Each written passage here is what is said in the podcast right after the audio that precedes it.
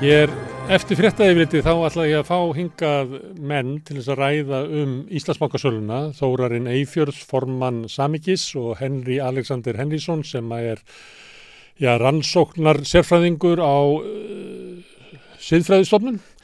Ég ætla að spyrja þá um þetta mál og svona hvaða þetta segir okkur sem samfélag. Það er margir sem spyrjaði sig að því núna getur við ekkert lært sem samfélaga því það er alltaf verið að tala við ætlum að draga lærdom að þessu og svo koma bara málinn aftur og aftur. Það er eina spurningunum sem við ætlum að spurja líka hvort að við séum kannski bara gerspilt samfélag.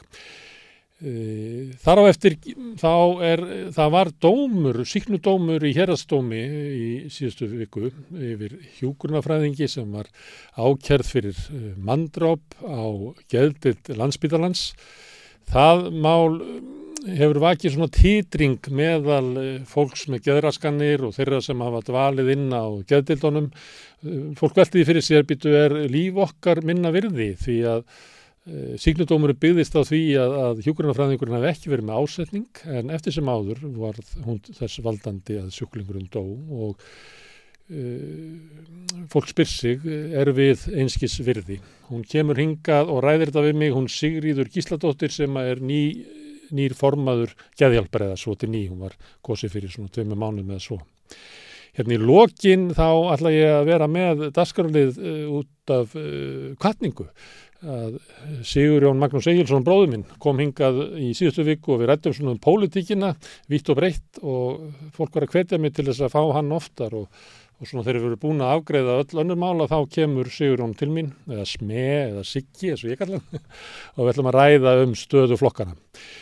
Ég ætla að vekja aðtegli á morgun, á dasgrá samstöðurinn á morgun, þá verður Sanna Reykjavík á dasgrá, þá er líka vikuskamturinn sem við förum yfir frétti vikunar með góðum hópi fólks og svo verður rauður raunvurleiki það sem er viðtal við Gídjón Levi sem er stjörnublaðamadur eh, frá eh, Ísrael, stór kanóna þar. Hann ætlar að ræða, eða Karl Hjeðin, Kristjánsson, ætlar að ræða við hann um stöðuna í Ísrael og Palestínu. Mjög áhugavert vital ég að geta lofa því. En í frettum er þetta helst. Það er ný bankastjóri í Íslandsbanka. Það er hérna, hann var í frettunum. Hann segir í einhverju fyrirsögn hans er komið til að vera og vil endur heimta tröst Eh, við fjöldluðum að við spiluðum upptöku eh, af vittnaleyslu í, í hérna, landstómi yfir Geir Horti hérna í Gær og sögum fréttir af því á samstöðunni, hvernig hvernig að kíkja á það.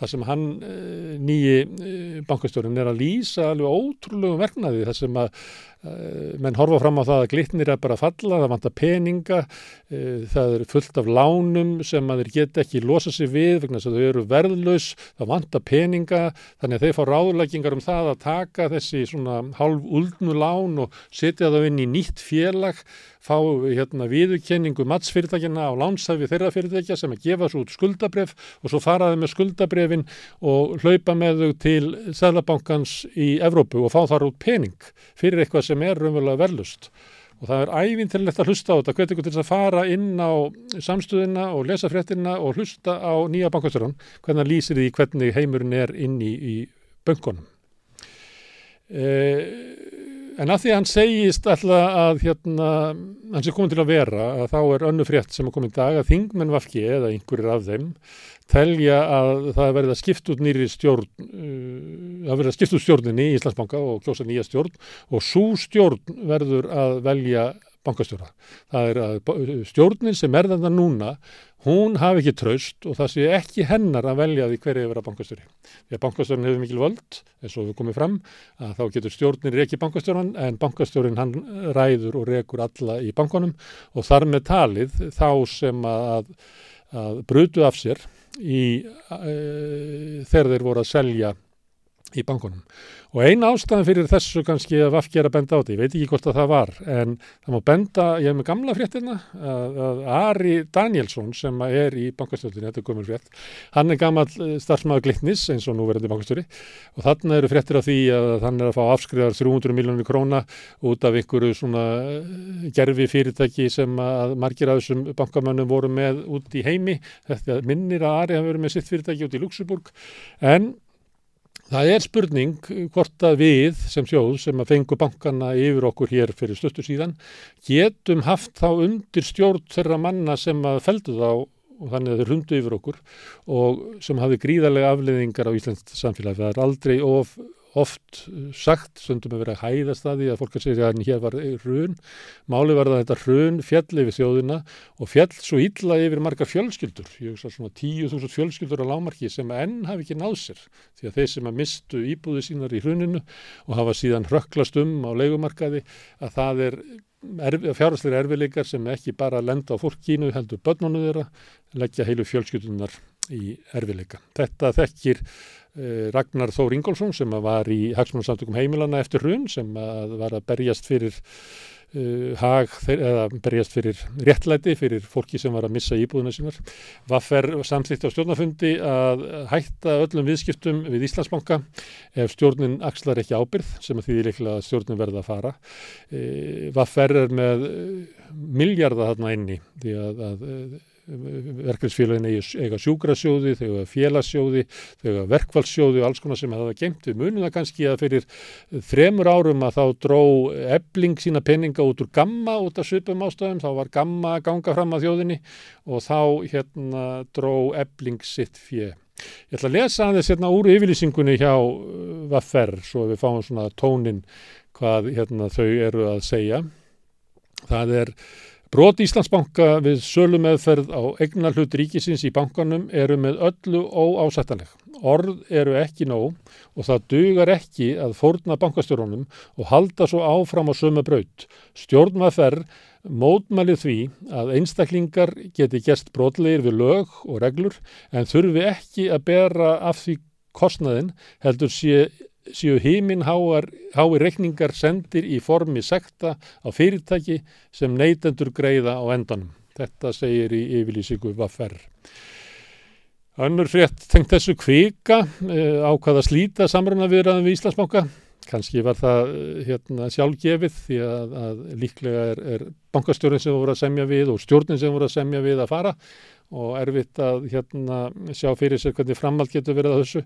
Þetta er svolítið kostulegt því að, að það sem að, að kemur í ljós með Íslandsbanka er að þetta er svona ævintira mennska sem er hérna á, á gólfinu þegar það verið að selja hluti í bankanum e, en kvika er náttúrulega samasapna af svona alls konar sjoppum, hérna inni er gamma og, og alls konar smá fyrirtæki sem að hafa verið einmitt með svona já, verið djarfir í, á fjármálamarkaði. Það er ekki þannig að kvika sér hinn hin, uh, trösti gamli banki sem að blöskra hvað, hvað uh, hérna, litlu menninir er að gera á markaði. Þetta er eiginlega öfut, svolítið kostulegt. Það er Varðandi kaupir ábyrðina þá munið það kannski að Pál Magnússon, hann talaði gegn þessu útbóði strax og hann talaði um að hann hefði heyrt í mönnum sem hefðu sagt að hérna þeir ætla að taka snúninga á þessu að þeim að hefðu ringt í þá miður mið kvöldi, þeim bóðið að kaupa hérna hlutabref í Íslandsbanka algjöru spottprís sem þú getur bara geimt í einn eða tó daga og svo kassaðinn mikinn hagnað. Pál hérna talar um að það sé alveg kveldskýrt hver beri ábyrðin á þessu og ég veit ekki hvort ég er bara að lesa það sem hann segir ef að hérna, þið fáum kannski myndin af honum upp svo að þið þurfum ekki að horfa á mig að lesa Hann segir meðal annars í fréttinni, hann segir þetta er þannig að alþingi fyrir hönd þjóðarinnar félur fjármálaráðar í lögum að framkama þessa sölu. Hann hefur endanlega ákvörðunavald á söluferlinu og þar, og þar sem endanlega ákvörðunavaldi liggur, þar liggur líka hinn endanlega ábyrð. Þetta finnst nú kannski flestum vera ljóst og þetta hefur stjórnaranstaðan og margi verið að benda á að þegar alþingi veitir heimil til að selja ríkisegn sem er e, hlutur ríkisins í Íslandsbáka þá er fjármálaráðar farið að gera það. Bankasíslunum var ekki farið að gera það, Íslandsbanka var ekki farið að gera það. Þannig að gagvart alminningi að þá er sá sem að ber ábyrð á sölunni er fjármálaráðar. Þetta er Páll að segja, Páll er inn í sjálfstæðarfloknum, ég veit ekki hvort að hann sé svona dæmi um grásrútina þar inni því að hann er búin að vera eh, ergilugur gagvart fórustunni, þess að meðan hann var á þingi, hann var ergilugur yfir að fá, fá ekki að vera ráð þeirra og hann var í uppreist gegn sjálfstæðarfloknum í Vesmanegum, hann er núna formaður bæjastjórnar þar fyrir klopningsframbóð út úr sjálfstæðarfloknum en eftir sem áður þá eru margir inn í sjálfstæðarfloknum sem eru svona sama sinnis og Páll og, og það sem að Páll er að segja uh, það er endurómur af því sem að margir tala um í sjálfstæðsflónum. Sjálfstæðismenn eru döð leiðir á því að hvert sem þeir fara ef þeir eru að fara í fermingavislu eða í kaffetíman að þurfa alltaf að vera að verja Bjarnar Benediktsson. Ég held að þeim vilji bara eins og fólk oft sem að stiður okkur á flokka vil mjög frekar tala um, um hugmyndir og stefnu heldur að vera sífælt að verja fórustu fólkið. En það er, uh, það er svona, uh, það gengur mikið á í ríkistöldinni og ekki síst í sjálfstæðsflokknum sem að uh, vil svona íta undir mögulegan á því að geta jafnvel sprengt ríkistöldinsamtæri. Jón Gunnarsson er náttúrulega kannski sérkapituli, hann eh, var, fór ósattur út úr dómsmálaráðundinu og hann hefur kent Vafki um það að Vafki hafi eigðilagt mörg mál fyrir sér og hann talar svolítið að, að, hérna, að það sé eiginlega komin nóg af uh, þessu stjórnarsamstarfi að sjálfstæðarflokkurinn get ekki unaðið lengur að vera með Vafki sem að eigðilöku fyrir þeim mál. Og það sem að þetta kristast um núna eru kvalamálið og og Jón sagði í útvarpinu morgun að hann vildi nú ekki vera að sprengja ríkistunni í beinni útsettingu eins og hann væri eiginlega til í að gera það bara strax og eftir. Herðu, en það er eh, annað frettamál sem var svolítið stort í dag sem tengdist Kristrúnu Frostadóttur. Það komu frettir af því að hún hafi greitt augalega vegna tilmæla frá skattinum held ég að vera orðað 25 miljónir vegna 100 miljón króna hagnaðar sem hún fekk með því að uh, kaupa og selja hlutabref í kvíkubanka. Uh, hún setti frá þessu tilkynningu, sagði það var borgað, mér vinnir að tölurna að verið 22 miljónir fyrst og svo var hún að borga aukala 25 miljónir núna, verið búin að borga næstu í 47%. Það, það þýði það að bankin hefur hafnaði að þetta væri fjármakstekjur, heldur væri þetta bara reyna launatekjur. Að hún hefði fengið sagt, hlut í kvíkubanka á ódýru verði sem að, að sem að væri hægt að bara líta fram í og þetta var ekki raunverulega fjárfæsting, þetta voru bara laun. Það sem er aðdeglisverðið í þess að ég er með gamla fréttarna á skjánu núna sem er frétt frá uh, viðskiptablaðinu sem byrtist bara rétt fyrir kostningar. Ég veit ekki hvort þið munið þetta en viðskiptablaðið byrti þessa frétt og Moggi tók þetta upp og, og, og það sem að verið að, að segja að Kristrún væri til rannsóknar að, að kauprétta samningar hennar í Kvíkubanka ásamt öðrum uh, starfsmunnubanka sem verið til rannsóknar hjá skattinum og Kristún neytaði þessu og, og leti ekki ná í sig þarna hérna, alveg, alveg fram til kostinga og allir þessi PR-kallar sem er alltaf í svona umræðu þáttum hafa verið að tala um að þetta hafi nú ekki verið vel að verki staði á henni, þetta hafi bent til þess að hún væri svona byrjandi í þessu og hún myndi læra af þessu og, og við rekna með þið munið þetta. En það málið er að, að, að á þeim tíma að ef ég er með aðra gamla fréttirna, ef við fáum hann á skjáin og, og það sem að Kristún segir, ef við fáum hann aðeins starri að því að lesa þess að sem að fekk, ég fekk ekki krónu í kaupöggagristu, segir hún, sem að laði passar ítla við það sem að er að koma í ljós núna því að skattur er viðist af að skilgrind þessar greiðslur eða þessi viðskipti með hlutabrefin sem eins konar laun. Og það sem hún segir í þessari frétta, ég má lesa, mín kaup eru ekki til rannsónar, þessi fjárfesting nýja ég. Þetta hefur nákvæmlega ekkert með mig að gera Ég hef borgað mína skatta af þessari fjárfestingu sem ég borgaði fyrir og er í raun ekki í stöðu til að ákvarða hversu mikla skatta ég greiði af því, segir hún.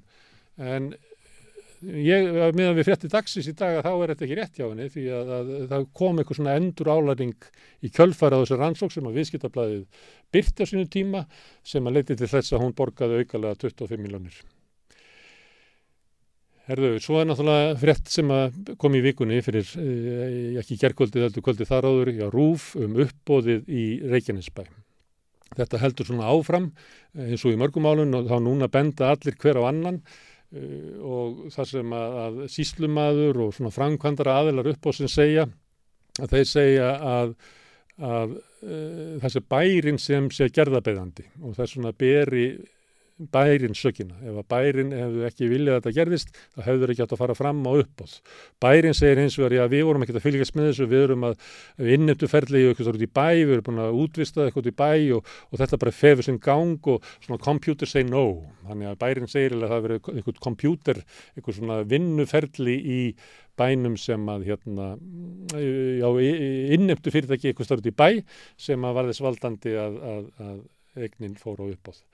Bróðir Kúpa, e, þeir heita Polkovski bræðurnir, bróðir hans Masíek sem ég held að hefur verið þarna áðan, ég var með mynd af hérna, vera mynd af Facebook-færslu sem að þessi fréttir úr hann skrifaði og það sem að, við langar aðeins að, að fjallum það vegna þess að það gerist oft þegar svona fréttir er í gangi að þá byrtist hópur af fólki sem ætlar að segja okkur að, að raunverulega sé brotaþólinn eða þólandin í okkur málum, hann sé ekki góðu pappir og bróðir hans Kuba, hann Masjek, hann skrifar nú verð ég bara að skrifa eitthvað því að ég fæ ílt í hjarta að lesa öll þessi skýta komment um bróðu minn. Fyrir tíu árum veiktist bróðu minn eftir alvarleg legnamistök með tímanum því eldri sem hann varð, því meira þunglindur varðan og byrjaði í neyslu um 19 ára gammal. Hann byrjaði að hanga með fólki sem kemur honum meira og meira inn í eitulífi heiminn en þegar hann lendir í öllu vesinni, þessu vesinni verður hann einn eftir og allir svo kallaði vinir láta sig hverfa. Ekki bara það að það var læknir, lækni að kenna að lífið hans er ónýtt, það sem eftir er, þegar hann var bara 13 ára, en eina sem hann fekk út úr þessu voru peninga sem dögðu til að kaupa eitt hús. Finnst það bara galið til að byrja með, en myndu þið vilja skipta á lífinu ykkar fyrir eitt hús, spyr bróður hans Masíak sem að fær eins og hann segir, fær stingi hjarta við að lesa það sem að fólk er að skrifa um að, að raunverulega geti kúpa sjálfnvísunum kent vegna þess að hann hafi verið í nota eitulif og þetta er ekkert einstæmi í íslensku fjölmjölum að það er svona ráðist á þá sem er í fréttum þar sem kemur eitthvað fólk sem er að segja já, það er nú, þetta er nú flóknar heldur en það og, og það er margt sem er að þessum kúpa og kannski á að það bara skilið að húsið sé tekið á hann og, og fyrir ykkur að þryggja krónar skuld þetta er alveg ólíkitum. Herðu, annar mál. Gengi Alvotek ekki lægra í sjö mánuði séð frétti dagsins. Það kom í nótt fréttum því að hérna, Livja eftirlitið í bandaríkjónum ætlar ekki að veita þeim leifi. Þetta er annarskipti sem Alvotek fyrir fram á leifi fyrir lífteknilif og öll, allt business model þeirra er eiginlega byggt upp á því að fá leifi inn á bandaríkjamarkað því að bandaríkjamarkað er svo stór lífjamarkaður að þó svo að þessu komið með leifi á Íslandi og Þískalandi og hinga og þangaðu Evrópu að þá dögar það ekki til þess að borgarna kostnað. Við sjáum það þegar eru komað uppgjör frá fyrirtækinu. Þeir voru með 40 miljardar tap á fyrstu þremu mánu þess ás. Það er þetta fyrirtæki þarf að vera gríðarlega peninga til þess að halda þessu floti og það að þau komist ekki inn á bandaríkjamarkað e, kippir eiginlega fótunum undan. Það voru fréttir af því að Robert Westman ætlar að leggja til úr eigin vasa, ég minn ekki, var ekki 13 miljardar eða var það 14 miljardar, rúmir e, 13 eða tæpi 14 miljardar sem hann ætlar svona að taka til, fann þá í vösunum til þess að halda þessu gangandi, ótrúlega ríku maður en Robert. En það sem að vandar eiginlega í þess að fréttir af hverju fá, fáðu ekki leifi, af hverju koma svona okkur aðtú að sendur um að það sé eitthvað að, að starfsemin í Reykjavík, að það sé ekki alveg nógu gott hjá þeim. Ég er með kenningu Eh, það er óbjóða faraldur í bandaríkjónum sem hefur kostað sko þúsundur, tugþúsundur manna líf er að, e, bara hryllilegt ástand í bandaríkjónum og það er byggt á, á markasetningu livjafyrirtækja sem að kerður umverulega óbjóða liv yfir bandaríks samfélag og það var valdi stórkoslum skada. Þegar það byrtu listi yfir hverju bera ábyrða og ópjóða faraldrinum í bandaríkjónum þá er það náttúrulega oftast bara svona eh, stuttulisti en þegar lengri listin byrtir það þá er Róbert Versmann á honum því hann var að vinna hjá hérna uh, hvað heitir það aftur eh, lífjafyrirtæki hérna í Hafnafyrðunum Aktavis, hann var að vinna hjá Aktavis þegar Björgulur Tór átti það og átti ykkur hluti því og Actavis var eiginlega fyrsta hérna, samendalífja fyrirtæki sem að tók þessi ópjóðalíf og kerðuði yfir bandaríkin. Þannig að mig grunar og þannig hegða oft stopnarnir í bandaríkinu sér að ef þú ert á okkur svona lista, ef þú ert ekki hérna Já, þú getur bara verið á svörtu lista og þá bara færði ekki leifið og þið tefja það og þið tefja það, en það er enginn í Livjastofnum bandaríkjana sem ætlar að, að lenda á fórsum bladana fyrir það að hafa veitt einhverja sérstakka fyrirgreyslu til einhvers manns sem var einn af þeim sem er ábyrð á ópjóða faraldrum í bandaríkunum. Þetta er mín kenning.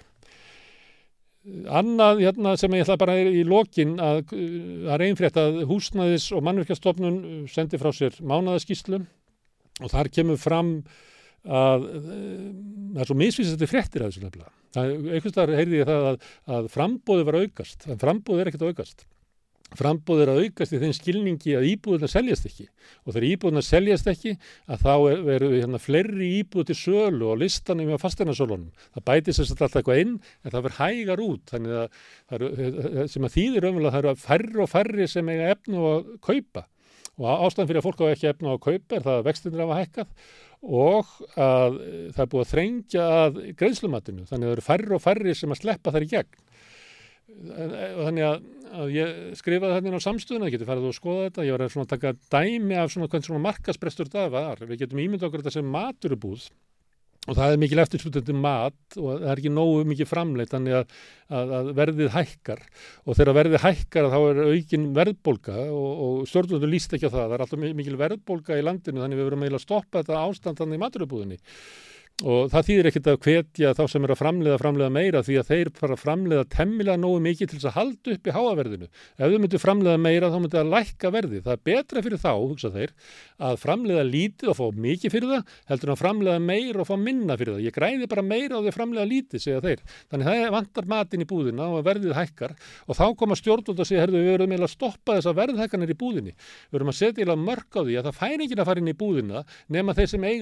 við að í að að að fara inn í. Þannig að þeir sem að, hérna, eiga ekki nógu mikið penning að þeir verða bara að fara heim og, og svo gengur það ekki. Þannig að það hækkar alltaf mörkin á því að fá að fara inn í búðina og það er leiðin til þess að lækka mögulega verðið. Það er nú verið færri inn í búðinni og mögulega lækka verðið vegna þess að minni eftirspurna eftir vörunum sem þeir enni. En fólkið sem var í byðröðinni og þess vegna var ég með mynd af byðröðinni fyrir utan maturubúður í Sovjetana Íslenska stefnan er svo að taka fólki sem er í byðröðinni að býða eftir vörunni og flytja eitthvað annað og við veitum alveg hvað er gert þetta fólk. Það er rakið í burtu frá búðadirónum og sagt að fara út í gúlag leikumarkaðins. Og í gúlag leikumarkaðins er þannig að það er ríka fólki sem á efna að fara inn í búðina og kaupa matinn. Það fyrir með matinni og selur það stikki fyrir stikki á, á miklu hæra verði til þeirra sem ekki hafa efna að fara inn í búðina. Þetta er laust e, íslenska stjórnvalda við húsnæðisvandanum. Vegna þess að eina sem þau sjá, eina vandamál er ekki það að fólki vandi húsnæði, að, að hérna, fólk sé að fólk sé að líða e, bara e, vonda tíð, ömulega tíð á leikumarkaði, heldur líta þau að vandin er sá að þetta ídur verðbólgunni og það er vandamál og þessum ætlaði bara að fástu mælinn á verðbólgunni en ekki leysa vandamálið. Þetta var náttúrulega frettaskýring í lokin en við ætlum að enda á frettaskýringu gödunar, hann Karl Hjeðin Kristjánsson, hann fór út á gödu og hann rætti við fólkum um helvitis verðbólgunna og blessaði ríkistölduna eftir augnablik. Já, samstæðin að tala að vegfærandi minna við bónus í skipótti og spurði út í verðbólguna og aðeins út í ríkistölduna. Þetta var að fá? Ég var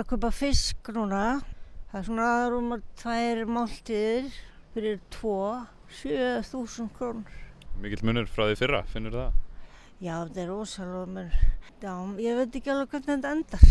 Við erum með hérna unga stráka og þeir eh, er ekkert að ná að festa sér íbúið eða neitt sko. Það er mjög erfitt þegar það mátt ekki borga meira en 40% ráðstöðunatökjum í, í afborgun. Þetta er ekki hægt. Þú ríkistjóðinu verið að gera nóg til að mæta ástandinu?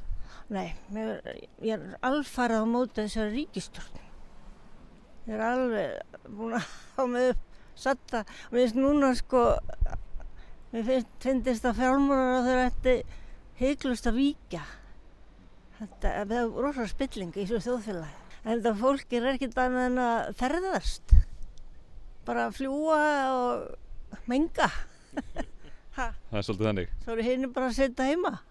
Finnst þið ríkistjóðinu verið að gera nóg til að mæta ástandinu? Nei, mér finnst það ekki. Mér finnst, hún, mér finnst þetta bara alveg förðulegt að þið skuli geta bara, þú veist, hend miljardum í þess að enna fundundaginn og einhver flottrafið sáttur og allir og hverju, svo spyr maður sjálf, hverju fengi að kaupa þessa áttibíla og hvað kostuð þeir? Ser þið fram á að geta eitthvað tíma að tekið lán þó þú náður að sapnaði mikið ertu að því að þú mátt ekki, þú mátt ekki borga meira en 40% af ráðstöðunartekinuðinum í, í lánið? Já, líka náttúrulega fyrsta lána sem þú tekur má ekki vera óverðtrygt þannig að þú veist, ég bara, nei, ég ángrið skil ekki alveg hvernig ég á að, þú veist Engi leið út? Nei Ertu ánað með ríkistjóðuna? nei Íslandsbanka dæmi smá svona í bylli Finnst þér vera spillingina? Já, ég pæli samt ekkert, þú veist, ég er ekkert að fylgjast mikið með þessu að tripla mann bara, sko Þú veist, ég get ekki stjórna neinu, þannig að, já Uh, finnst þér að Bjarni Ben fjármálaráðarann byrja ábyrða á sölunni og hann að gera eitthvað í því? Já, en hann örugglega aldrei gera neitt í því að því þetta er Ísland og það gerist aldrei neitt. Við erum alltaf að kjósa um nýja ríkistjórn aftur og aftur og aftur en það breytist aldrei neitt þannig að þú veist, Finnst þú að hafa minna á milli handana núna eða bara svipað? Bara sveipa svona, held ég. Ertu ánægð með ríkistjóttina, hvernig hún er að taka ástandinu? Er hún eitthvað að taka á aðstandinu, held ég. ég held ekki. Ég, ég hef búin að fá þetta áður frá fólki. nei, nei, hún er bara í einhverjum leik, sko, held ég. Finnst þér þú að hafa minna á milli handana? Er erfiðar efnaðaslega þess að dana? það er mjög, mjög erfitt til að kaupa svo síðastu tími sem ég fyrst kaum bónus eitthvað Doritos kostaði 190 krónur en núna það er 300 Ertu ánægð með ríkistjóttina og hvernig hún er að taka ástandinu? Eh, Ég vil helst ekki ræða það einu sinni og ég hef ekki, hef ekki séð það ennþá hún hafi tekið áninu. Engar raunhafur aðgerir svona. Engar aðgerir. Uh, ertu, á, ertu að borga húsnæðislan eða ertu að leia? Finnur þú fyrir hækkandi af, afborgunum? Nei, ég, bara sem betur fyrir skuldi ekki neitt, sko. Einnig um hefnu. Ég veit ekki, bara kannski ánum gamall, en ég vildi ekki vera ungur í dag allan með þetta dótt á bankinu, það var hækkað um helming og, og allt, allt, allt um helming. Ég held að það verði bara tekið einu sinni enn í þóttavélina, krónu þóttavélina já. og hérna liði setja bara á hausinn, sko. Akkurat. Fyrst skiptið. Nei, mitt. Takk. Íslenski, ve- íslenski veruleikin. Já, herðu, nú er að ræða Íslandsbankamálið sem allir er að ræða og ég fengi hinga góða gæsti. Þóran Eifjörð, formaður Samíkis, velkomin. Og Henry Alexander Henriksson, heimsbyggingur, velkominir. Ég ætla að byrja á þér, kæri síðfræðingur, því að ég hugsa að margir séu svona að hugsa að því að við erum, eh, kannski erum við eitthvað skrítið þjóð, að við erum náttúrulega lítil þjóð og stundum finnst manni það að hver íslendingur svona telli sér vera að bera meiri ábyrð á heldinni heldur en víða hvað annars þar. En þegar eitthvað svona áfall gerist, að sömuleiti held ég að þessi skýrsla sé áfall, að þá finnst mér eins og svona, ég skinjaði hjá mörgum að svona tilfinningin er hérna, getum við aldrei lært, ætlar þetta aldrei að skána hjá okkur? Eh, Þetta er alveg rétt hjá þér, sérstaklega þetta þegar við, við, okkur er rosalega tala, tala um við. Við öll þurfum alltaf að læra þessu, lærðu við ekki neitt alltaf. mann sérstaklega vel eftir þessu í kringum þarna, uh, þegar uh, við vorum að tala um Nambíumálið og Samherjamálið já, þá var bara, þetta er náttúrulega bara eitthvað eitt fyrirtæki hérna og samt voru við öll einhvern veginn komin að bóla hvað við þetta Jú, sko, og einhver leið verða þannig að við búum til samfélagi. Já, auðvitað, En það er náttúrulega mjög en- ábyrgðin. Já, já, og, og það er mjög eðlilegt að tala svona, við lærðum ekki við, hver, Já. við öll erum einhvern veginn ábyrg. Uh, auðvitað getum við lært og við höfum alltaf að því. Mér fannst til að svona skemmtilegasta svona dæmið sem hefur komið núna var hérna fórsetisráð þeirra í lók síðustu viku. Eða var ekki föstudaginn, hvort það var hérna það sem hún sagði, sagði eitthvað á þessa leið sko uh, sko, þið, við auðvitað erum búin að læra á þessu, við, þið hefðu ekki fengið svona skýrslu hérna fyrir hrun. Og mér fannst þetta aldrei skemmtilegt. Auðvitað, jú, það er eitt lærdómur en einhvern veginn held ég að sko, lærdómur sem við ætluðum að, sem sagt, að draga var að við vildum ekki svona verið þessari sömu, sömu spórum sko, hvern, við vildum læra hver, hvað þurfum við að gera til þess að vera ekki í þessum spórum auðvitað erum við búin að gera margt og kannski En okkur virkar það ekki? Sko einhver liti virkar þetta, ég meina við fengum svona skýrslu sem hefði ekki verið er, hérna, fjármáli eftirlitið kannski alveg rétt að það er einhvern veginn betri spórum en það var fyrir hrun. Uh, það er pólitíkin er einhver liti svona búin að setja sér síðareglur og hitt og þetta. Það er búin að gera margt á yfirborðinu. En lær, til þess að draga þann lærdum sem við ætlum að draga held ég þá þurfum við að fara miklu dýpri skóla. Fara að skoða þetta miklu dýpra. Við þurfum eitthvað að fara að ræða miklu hugtök sem við notum rosalega mikið traust, gagsægi, ábyrð það sem skilningur á þessum hugtökum er ríkalega yfirborðskendur og maður sér það bara í umræðinu og við sjáum það núna til dæmis hvað er ávoðalega erfitt, fólk ennst ennþá erfitt að bera ábyrð og skilja í hverju ábyrð er að felst og sko ef við ætlum aldrei að taka þá umræðu sko það er fínt að auka gagsægi saman við kjörnafull trúa, hagsmunna, skráningu setja síða reglur og gera alls konar hluti sem við höfum gert það er gott að hafa almennlegt fjármála eftir því sem er skára en það sem var áður og svo framvegis en þegar það er ekki þessi sko skilningur og hlutverkum hjá kjörnum fulltrú þá bara komumst við ekkert áfram sko. og ég held að þetta mál sé algjörlega að draga það fram Já. og við sjáum bara það er ekki eins og bara allir segja, ó, nú getum við bara andað, nú erum við vel sátt. Nei. Það er eitthvað, fólk er að kalla eftir allt annars konar ábyrðaskilningi. Sko. Já, og hún alltaf hætti þó svona fljótt út af þessu hvernig viðbröðin eru. Já, já. Hún er eiginlega svona, Auðvitað svip, þetta svona og- svipaðu tími og Simundur Davíð frá Kastlastættinum. Hún svipað. frá Já, hérna, já. byrtingunni. Já, já. En þetta er samt svona, að það er samt, sko, hafa allir, á- tilfinningunni eðlilega að svona, hún ætlaði ekkert að fara, hún sagði það í lók síðustu viku, nei, nei, þetta er bara, nú er ég bara að fara að vinna í þessu, en svo einhvern veginn svona halvpartin rökklast hún frá og, og, og svo og stjórnmálamenn kannski margir, margir kjörði fullra, ég hef ráð þegar voru svona æsti að losna við hana, Mjög. fannst það bara hendaði þeim mjög vel, sko, Já. að þá bara fyrst kastljósi af okkur uh, þannig að en við vitum alveg og það maður finnur alveg í samfélaginu það, þetta er ekki það sem fólk var að kalla eftir. Þetta, jú, jú, vissulega var skrítið að hafa hana, hana áfram. Það er en að þetta það. ekki um hennar hlutverk það er um önnur hlutverk þarna sem skipta miklu meira máli sko.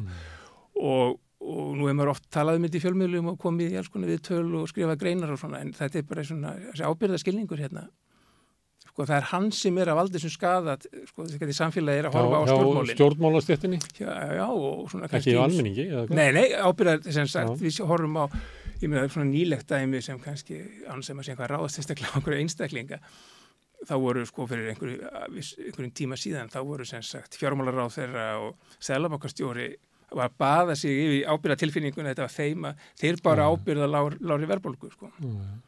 Og þeir áttu, þetta, þetta var allt þeim að þakka. Og svo hlaupaður í skjólum leið og verðbólgan fyrir að stað. Og hér almenningar er ekki einhverju minna, við sjáum öll, þetta er eitthvað bóið við þetta, sko, að þú takir bara hrósið og, og þegar gefur á báti en þá er þetta alltaf farin. Og ég meina, það er þetta sem er að er svona, hafa þessi áhrif á hvernig tröst til stjórnmálana er að hrinja.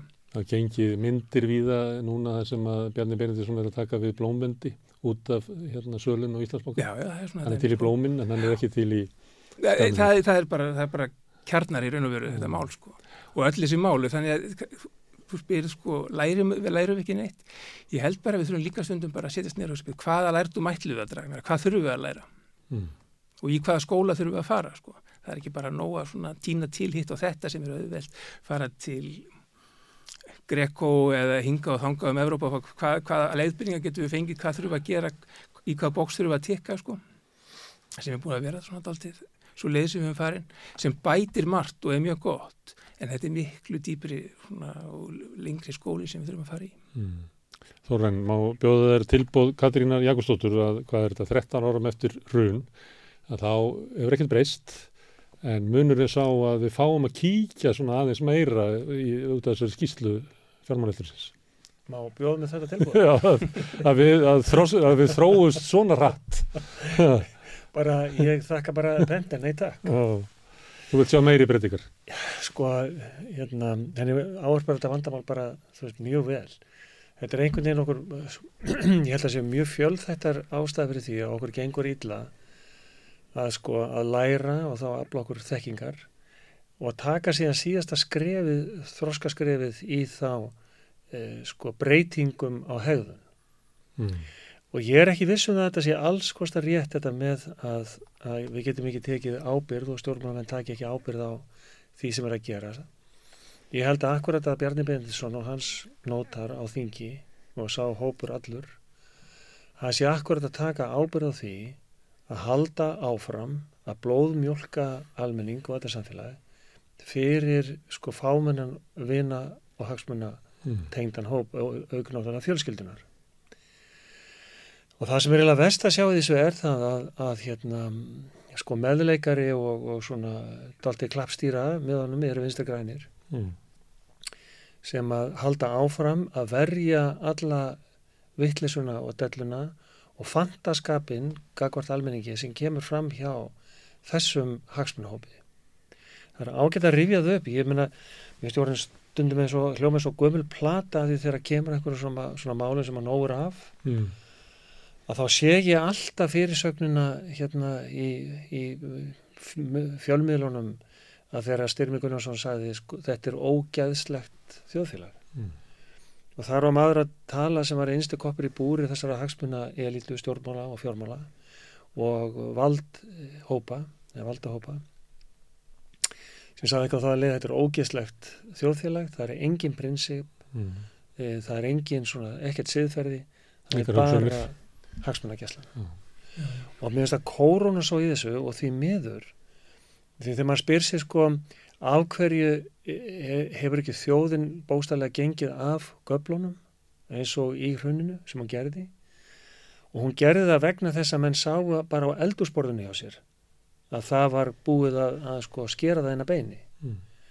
og það var ekki fyrir þá sem að fólk fór út á götur og, og hérna let virkilega í sér heyra eins og, eins og áttum öll að gera. Mm. á hverju gerum við þetta ekki?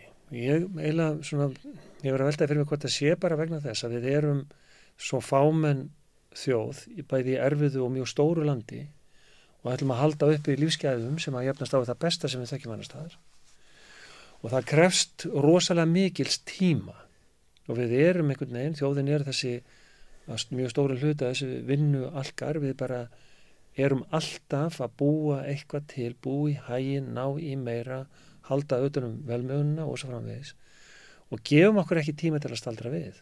Þrátt fyrir allt mentunastíð og þrátt fyrir góða háskóla, þrátt fyrir hérna gaggrína segja hugsun og þrátt fyrir ábendingar uh, þeirra sem eru fróðir og, og hérna og svo framvegis að þá einhvern veginn stöldur við ekki við og, og endur metum við bara höldum alltaf áfram. Mm. og þegar, þegar þetta sko lærið við ekki neitt, nei. Ef við mælum það í í hérna hvort að breytn okkar hefur breyst eftir skýslu alþingis eða rannsóknar nefndar þingsins og eftir allar góðar ábendingar sem hafa komið frá fjöl fjölmörgum að þá telur þessi hagsmunahópur, þessi elita sem er ennþá öðvöld og notabenni, það eru allir þeir sem að voru sko, hvað að segja syndu dýfst í súpunni í sætsúpunni hérna fyrir hrun Mm.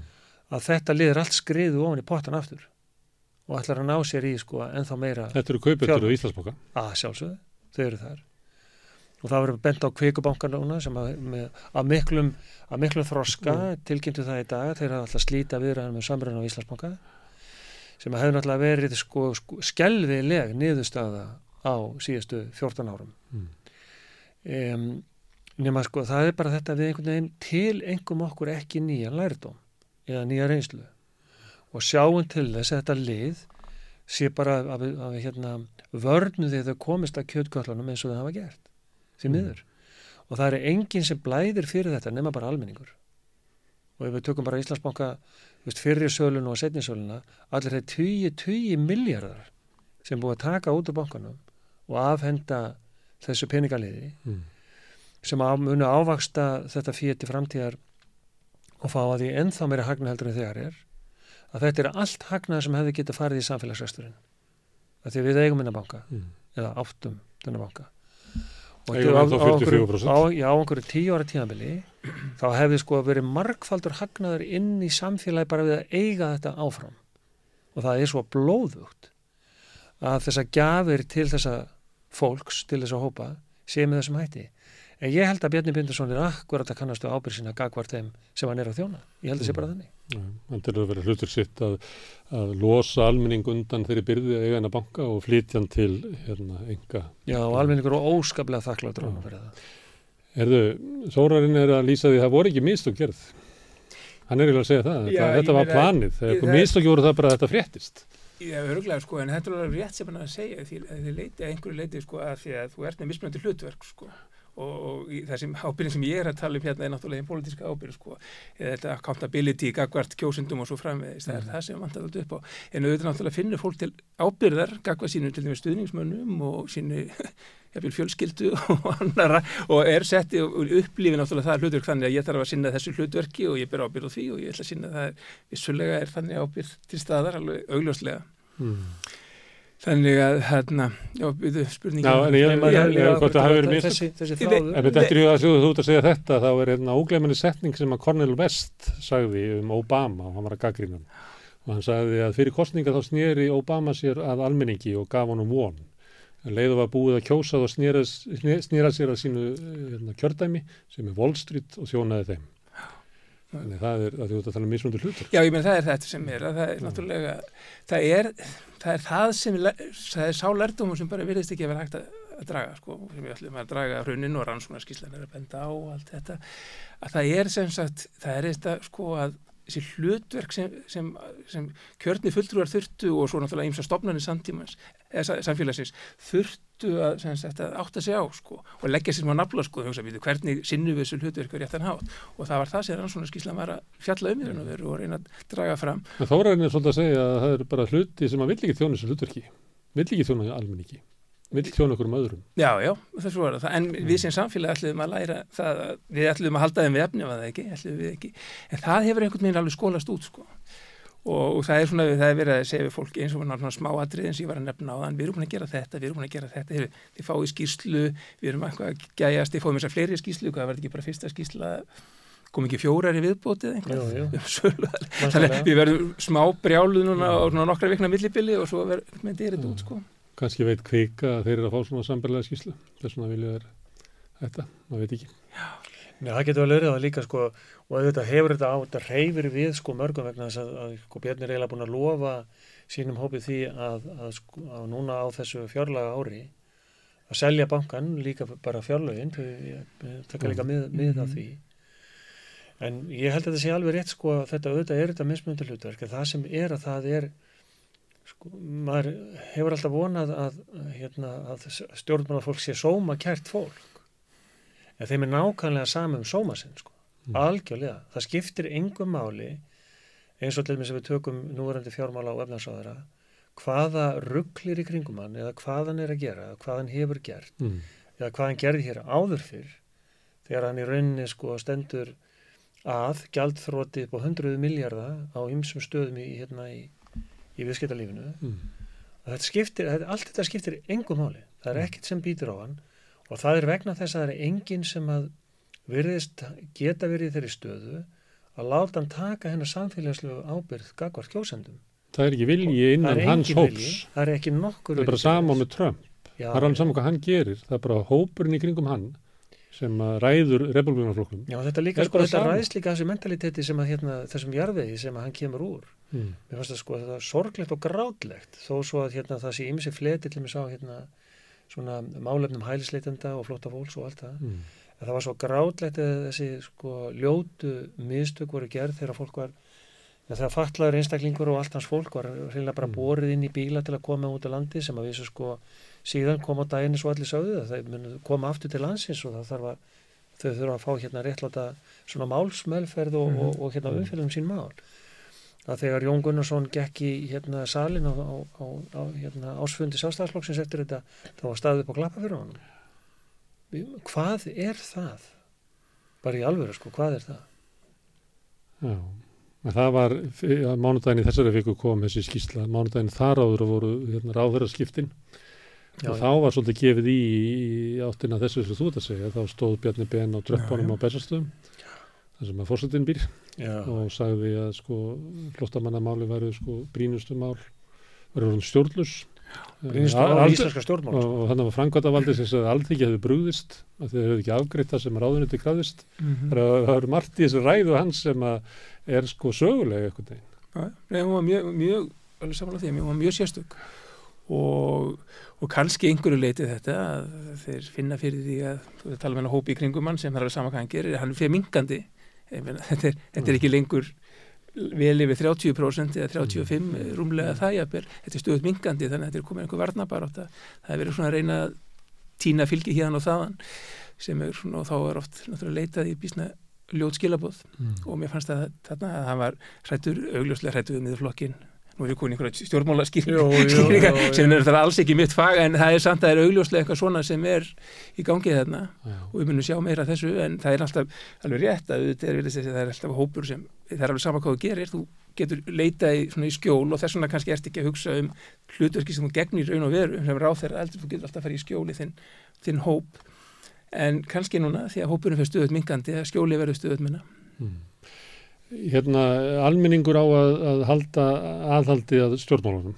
En til þess þarf almenningur eitthvað svona tæki. Við vitum að fjölmiðlanir sem eru sko hefðbundi umræðu vettvangur samfélagina að þeir eru bara að leysast upp fyrir framangur Mhm. og sömurinn eru stjórnmálaflokkanar líka til dæmis að vera gaggrína Vafki hérna og Solveig Anna var hérna fyrir tveimundugum og sagði hérna Katri Jakobsdóttir er ekki Vafki til þess að þið kannast við að stundum er það bara flokkarnir einhvern veginn. Við erum með flokka sem eru eiginlega einstaklingar eins og Sigmundur Davíð og Mm -hmm. Inga. Eh, Við erum með flokka sem eru raunverulega ekki með neitt neina sérstakka grasrót eins og píratar og ég held að ég líka við viðreist og bara byggi á reikningum félagana. Það, þetta eru flokkar sem eru meira minna rekni bara frá ríkistyrnum. Að það er engin félagar í þessum félagum. Þannig að má það vera að, að, að krafa á íslenskan almenning að, að reysa landið við, að það kom ekki fyrir aftur, að svona tækin sem almenningur hefur eru frekar veik. Og ég vissum að þú kannast við þetta Þórarinn, að það er meiri krafa á verkefnisreifinguna að vera í fórustu í einhverju svona breytingum á samfélaginu heldur en hún búin að vera í langa tíma og það er náttúrulega getur verið einhvern veginn allir komist að sömu nöðustu í skyndíku það getur líka verið vegna þess að önnur tæki almennings eru veik. Mm, Það er alltaf sérkennilegt sko bara svona ég lít svona yfir þau ár sem að ég er búin að starfa semst innan hreyfingarinnar. Að þá um, þá verðist að vera oft á tíðum og bara mjög oft á tíðum að þá verðist sko stéttafélagið ef að e, sem sagt er góð vitund sem ég held að sé oft hjá fólki um stéttafélagið sitt að þá er það í sumum tilvægtum síðasta skjól í einhverjum erfileikum sem einstaklingarnir eiga í Mm. og leita stuðningi sem að ekki kannski bara hvað varandi tólkum kjærasamninga eða í svona verið réttindi og slíkt heldur heldur eru svona leita ráða um bara í rauninni svolítið allt mögulegt og að að eiga skjólu og tökum svolítið á breyðum grunni e, þá var ágætt að rifja það líka upp bara til dæmis eins og eins og hérna, fyrirbyrðið bæðið eins og Bjarg íbúðafélag sem er búið að sanna sig á mjög stórum skala sem einhvers konar um, varnarkerfi í húsnæðismálum þeirra sem að lægst hafa launin. Mm. vegna þess að ríkisvaldi bregst Ég bara vegna þess að það bregst bara allt saman bæði lánastofni, ríkisvaldi, samfélagsþjónustan og hvað það heitir nú. Að þá, og með svo, svo fyrir nú ekki, já ég ætla einmitt að minnast að það, en ég ætla að hérna bæta við, svo fyrir nú ekki í niðurlægningu á verkamannabústæðikerfinu, Mm. þegar við töpuðum sko 11.000 íbúðum út úr því kerfi, Mm. sem var eitthvað galnasta sko efnaðas aðgerri aðdraganda hrunsins og minnst sérstaklega á því rannsóknarskíslunni og það hefur verið einhver stæstu miðstök í aðdragandunum og þá er það líka eins og, eins og hvað var að virk sem að eru velferðar og, og heilsu uh, skulum segja bara fyrirbreyði eða við getum kallað það stopnun eða, eða hva, hvað sem er að því bara hún er náttúrulega stór sem er að hjálpa launþjóðum sem hafa lendi í erfileikum vegna akkurat dvínandi vinnugetu ímsum ástæðum til að koma þeim út á eða til heilsu og koma þeim inn á vinnumarkaðin aftur.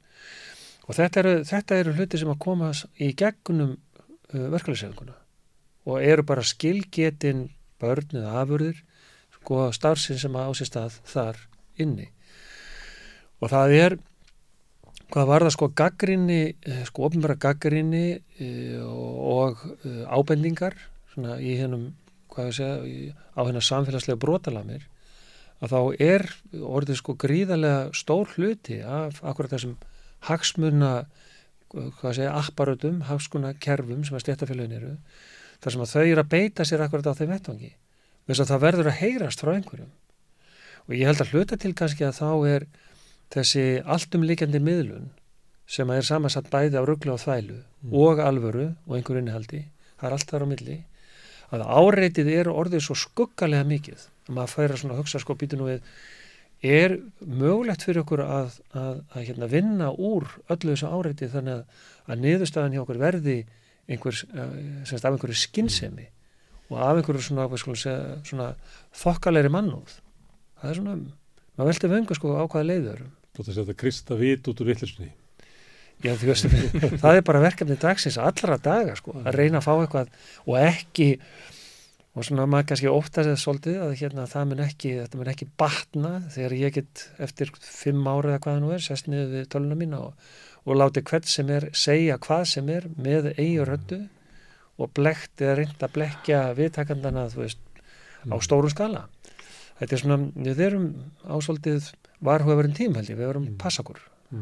voru vand okkur. En eh, Henry, er það ekki þannig að gott samfélag að þá þarf, þarf allur almenningur að vera virkur þáttakandi og hann þarf að hafa ykkur að farveg fyrir virknisina Jú, jú. það má ekki vera þannig að sest bara niður á Facebook og setur sko reyðakallin á okkur að komment það verður að Mm, vera nei, svona til þess að starfa meina, Þetta er alveg því að við vorum að tala um lærdómin og getum ekkert lært og allt þetta. Það er, við getum ekkert lært ef við höfum ekki stopnaðin til þess. Mm. Og þetta var nú alveg, kom líka vel fram í rannsóknarskiltinni. Þú Mm. nefndir tvær svona Mm. stopnanir í samfélaginu sem eru mikilvægar.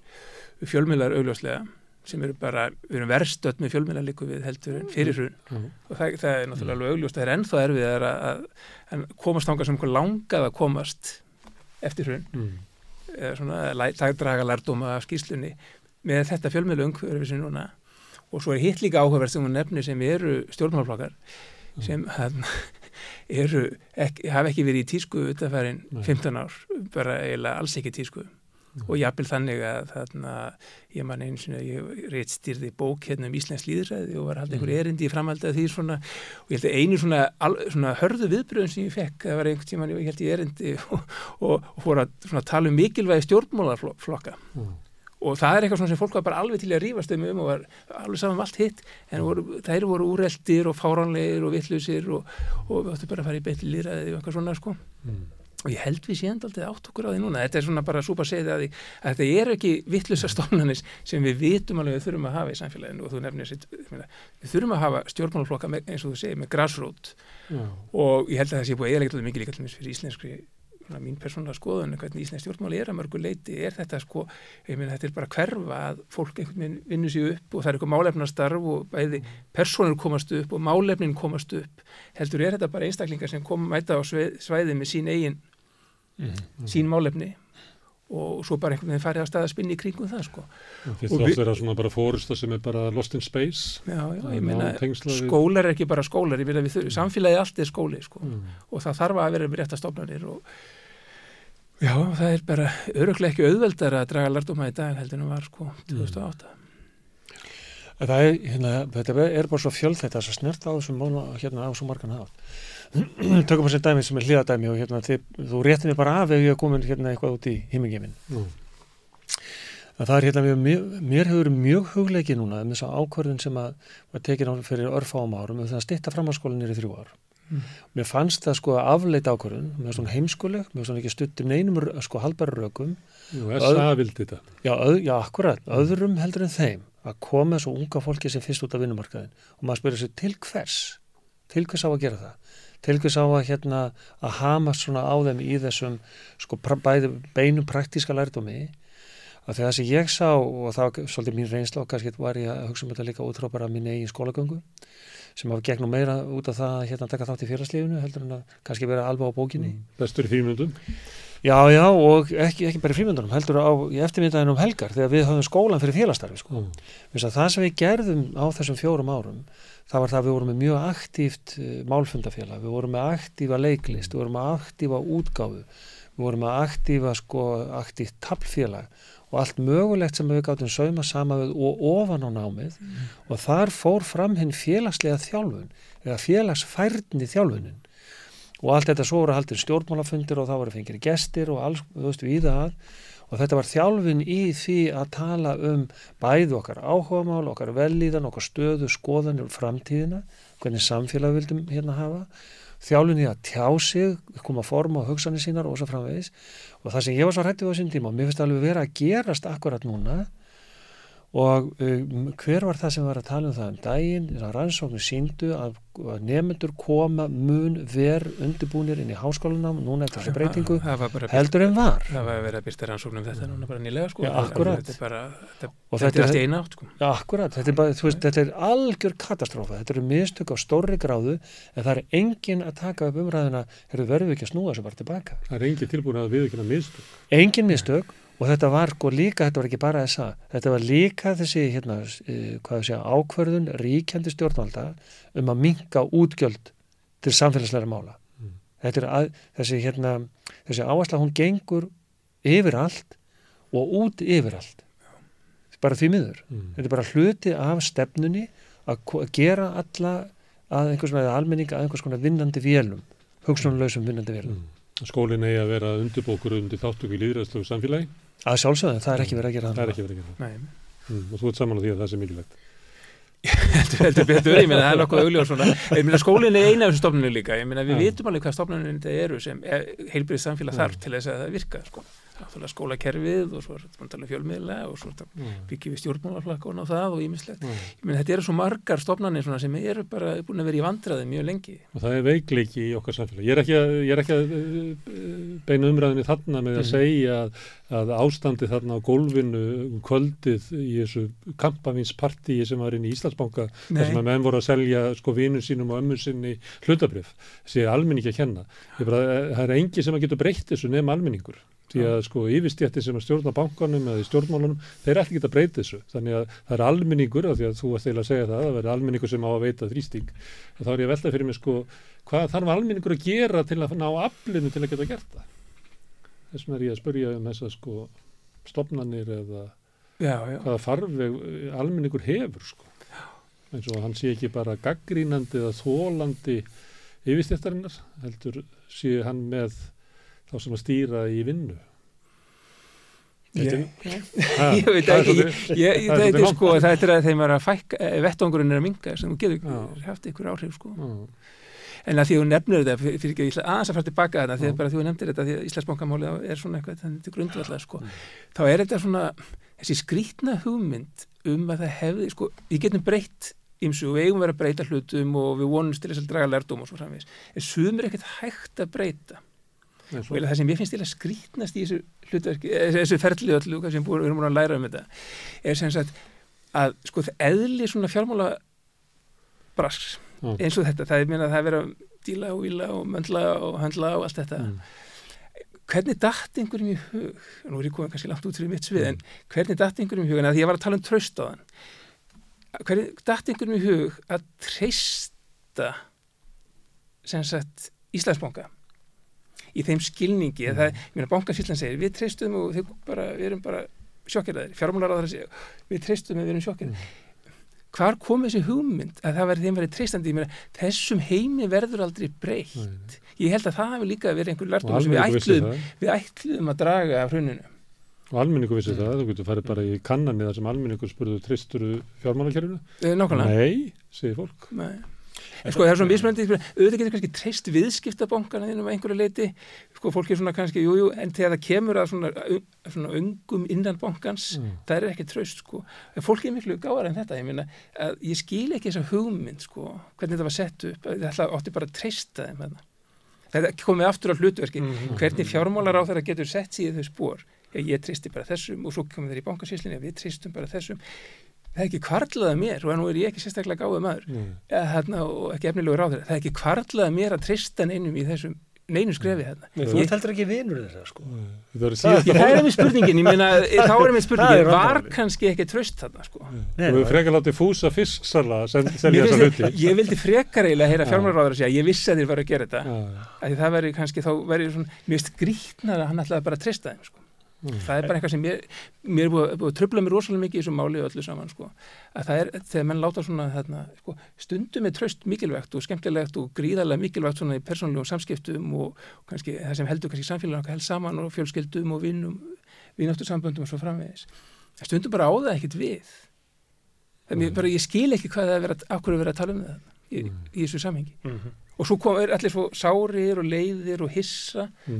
Mm. Og þegar regluvörðurinn sko í Íslandsbanka, eða hvort það var hann eða einhver annar, ég held að það var regluvörðurinn, frásagnir af því sem var að gerast þannig bara um kvöldi sko, að hérna bendur einhverjum hérna sölumannun á einhverjum hérna snittinglunum að hann sé að fara úr, þetta sé, þetta megi ekki, hvort það sé ekki búin að lesa reglunum, það sem hamla því að hann megi gera það sem hann er að gera og, og svarið sem hann fekk, sko, það skiptir mig einhver máli, ég veit ekki um það, ég er ekki búin að lesa þetta, verði ekki að trubla mig að því ég er að selja brefinu Mm. og það er einhvern veginn sko, situasjónin er fullkomlega fáranleg sko. þetta er bara leikhús fáranleikas Regluna gildi ekki, sko. regluna gildi ekki, vegna þess að við erum bara að koma þessum peningum umferð sko. við erum að, ætlum að fara að láta þessa peninga vinna og þeirra að vinna fyrir vinn okkar Og það gild, gildu ekki þetta kvöld, þannig að það gildi aldrei. nei, nei, það bara gildi aldrei og líka þetta með hérna frásög sem að ég las nú einhverju blaði sem á kvótering í eitthvað efni sem að kemur fram í ský- skýslunni þetta með simlíkinguna Eru sælistrákar, nei, tölvupóstinn. Mm. Takk fyrir hérna, hittingin í dag var mjög góður og ég ætla bara að benda ykkur á að gera þetta og þetta og hitt og hitt og þetta til þess að þið séu hæfir fyrir veisluna í kvöld. Mm. Hvað er þetta? þetta er bara þetta, partí. er- þetta heiti bara spilling á mjög háu stíi Stundum, hérna, því þú segir þetta, stundum, til dæmis, hérna, ég spilaði hérna brot úr uh, hérna, ræðu Bjarnar Benediktssonar á landsfundunum, þar sem að vera að tala um þetta. Og hann lýsir þessu svona í minni endursögn, að hérna, það er landsfundar samtíkt að við eigum að taka hérna bankana inn á engamarkaðin og ég hef gert það. Hann lýsir þessu svona. mm. Það er bara verkefnið, Verkefnið, er að taka eigur almennings Mm. og flytja þú yfir á markaðin Mm. og og hann reynir að selja landsfjöldur það að þetta sé gert í almanna þá að taka það af almenningi og flytja þetta á markaðin. Og það held ég hafi verið að gerast þannig kvöldið. Þetta var dagurinn þar sem að við náðum 22% af bankanum úr hérna, eigu almennings og fengum að rásta við skulum líka aðtóa eitt í þessu þess sem þessi fögnuður. Já, og það er mjög mikilvægt að, hérna, að bara muna eftir einu þegar að þetta, þetta hérna, sérstaka útbóð fór fram, það er að segja enga venga þrepp nummer tvö, að e, það sýnir sig og það bara að horfa á það myndarænt. Það er að segja ferli á kaup og sölu brefa í Arjónbanka og Íslandsbanka sett saman í töflu síðustu dagana áður en þetta útbóð fyrir fram. Og þessi bankar eru svona svipaðara stærð þannig að að hérna svona, hvað sé, kaup og sala hlutabrifa, svona á bara, degi til dags, er bara mjög svipuð. Þetta er alltaf svipuðu lefili, reyfast mjög líkt og á alveg á sama bíli. Fjórun dögum fyrir útbóðið, þá hætti öll sala Mm. hlutabrifa í Íslandsbanka. Mm. Hún stoppaði. Og þetta hefur aldrei gerst áður. Þess að þetta er alltaf eitthvað lína sem að eru hérna svona örlítið hreyfingu, bara svona aðeins dag, daga munur eftir hvernig markarinn er opinn. Það er ekkert enga frétti sko, það er ekkert að gerast. Fjórum dögum áður en þetta útbóð fyrir fram að þá stoppa öll viðskipti með hlutabrif Íslandsbanka. Og það eitt hefði átt að vera hefði að verið sko, uh, hvað við segja eitthvað afhlarna baki eða fjármálráð þeirra sem að hefði borið hag almennings fyrir brjósti og fá sem besta verð fyrir hérna þetta bref eða hvað nú er sko þá hefði þetta verið stoppað, það hefði hægt við þetta Mm. það vissu allir sem átt að vita Mm. þessa fjó, þessu fjórundum ára útbóðið væri að það væri að fara í gang útbóð og innan tíðar eru þessi breyf til sölu með afslætti já, en Þannig að þetta var tilkynnt klukkan bjánin sem að kaupir þetta Já. tveimur dögum fyrir en það var svo okkur að sagt, Mm. fimm minútum með fjögur umrættan dag, Mm. þá kom tilkynning frá, frá hérna ráðherra um að þetta myndi vera gert um kvöldi það átti að koma öllum óverum, Mm. allir átti að vera alveg óbúslega hissa, en allir þeir sem átti að vita þetta, þeir voru búin að fá að vita. Mm. það liggur algjörlega ljúst fyrir. Þannig að þetta er staðan. Þetta er engin, Mm. engin tilvíðun þetta er undirbúið, þetta er mjög vel undirbúið að þeir fái það sem eiga að fá. Það er að segja að, að, hérna, e, að eigur almennings eru bara færðar með þessum hætti yfir til þeirra sem eiga að vera ríkari. Mm. Þetta er ekki flóknar heldur en það Mm. og þá er þetta, þá er þetta, var þetta planið og uppalega þá var náttúrulega aftur ekki að vita hver kæfti og Nei, það, nei, það nei, var. Vafki og Katri Jakobsdóttir þrýst á að það er þið byrt og þá var almenningur brjálagur Já, ég hugsa bara að þetta hefði ekkert farið í frétt eða hefði ekkert gerst nema að það voru af því að voru tveir menn flaggaðir hérna Já. mm sem sagt í kringum Íslandsbanka hefði þe- þeir ekki keift og þetta hefði ekki verið Mm. flaggað -hmm. þá hefði, þá hefði bara, Já, þetta er besta Já. útbúð Íslandsugunar þetta hefði Já. bara verið það var bara þessum sem allt tíma fór einhver umræða í gang sko. Mm. þeir ætluðu að komast alveg bara með þetta undir allan rata sko. En það er þetta líka sko eins og ríkisendurskoðun hún hefur náttúrulega, eða hafði og hefur bara það hlutverk að að, að skoða hvað þessar ofinbæru stofnarnir eins og bankasíslan þess til ekki hefur gert, ekkert annað Mm. ekkert annað Mm. og þeir náttúrulega komað, komast þeirri niðurstöðu að þeirra bankasýtlan hafa verið gjörsamlega vanhæf Mm. til þess að, hérna, að hafa þetta hlutverk með höndum og þessi skísla núna, hún bara sýnir það að, að þessi ákvörðun og, og, og allt þessi snýra framkvæmdini hjá bankunum og við höfum ekki eftir að heyra frá hinnum, fjórum aðalunum sem sáum svoluna fyrir aðeins síðar Svo kemur kannski eitthvað á. umbúsmanni, hann er nú að spyrja fjármálandið. Já, já, hann er bara efast um hæfi fjármannhæðara til þess að hafa yfirleitt að vera staðið í þessu Mm. Þannig að þú veist, allt það sem við fáum að heyra frá undirbúningi aðgerðinni sjálfu eftir málum, þetta er bara spilling af hæsta gæðaflokki. Sko. Þá langar mig að spyrja um það, að þegar þetta kemur í ljós, eh, bara listin og fólk sér hverju voru að kaupa þarna, þá veit eh, allir sem að búa hérna, vita hvað var í gangi og almenningu verður mjög reyður. Það er, eh, maður bara heyrði á fólki og síðan er bara þetta að vitna í kannanir, ég held að það er 83% sem voru ósátt við söluna og 7% voru ánað með hana, þetta er eiginlega fáhert að séu svona afgerandi afstæða almennings og þá fara stjórnvöld í því að reyna að tefja máli sem mest. Já, við setjum þetta hann í, í ríkisendur sko. Mm. Kemur ríkisendur sko og þá reyna stjórnvöld að gera sem allra minnst og segja, við ætlum að leggja niður ríkisendur sko, í vonum að, að að fylgja já. það. Kemur ríkisendur sko með rannsón á, á Mhm. bankasýslunni. Og þá reyna stjórnvöld að gera eins lítið og mögulegtir og segja, við ætlum að leggja niður uh, bankasýsluna sem að setna komið ljós og var ekkert gert í að núna hún að vera eiginlega okkar varnarþæki í þessu. Síðan kemur þetta og þá er svona uh, beði með það og ja, við rekum bara bankastjórun. Þannig að það er alltaf verið að reyna að gera eins lítið og mögulegt er. Fyrst og fremst til þess að sko vandamálið er ekki spillingin sko. Vandamálið er reyði almennings. Hvernig getum við sefað hann? Já, Mhm. einmitt, nákvæmlega. Þú veist, er það ekki, ef maður skoðar sögutráðin, Mhm. þá snýst þetta aldrei um að sko stoppa spillinguna. og líka annað þitt sko sem er tengt þessu og svo komur þessi ákvarðan um sko, þess að búa til, að búa til hlutafundar hvenar? Ekki strax Nei. það er lók júli Mm. það er rétt fyrir Veslumannahelgi þegar allir eru í fríi ekki hægt að ná stjórninu saman og þetta er svona, var einhver sem kallaði það sko, þetta var bermúta þrýhyrningurinn í, á, í hérna í, í skal ég segja- Fréttum. já, já, já, ekki bara í fréttunum heldur svona í tilveru sko erfiðra ákvarðana það sem almenning, skiptir almenningmáli að gera þetta í loku júli Mm. er besti tími til að koma ákvarðana þessu tagi að búa til eitthvað svona gimmiki kringu það þess að það mun drukna í Veslumannahelginu og öllu þeim látum Þetta er svipað bara með fjölmjöla að sko klukkan hálf fimm á föstu degi þá er best að senda át fréttatilkynningar sem að eiga hverfum helgina sko. Einmitt. Þetta er svona bermúta þrýningu sem allt hverfur í. Var ekki tilkynningi, tilkynningi frá Íslandsbanka fór það út á síðallinu fyrstu. Mm -hmm, mm -hmm. Já, akkurat.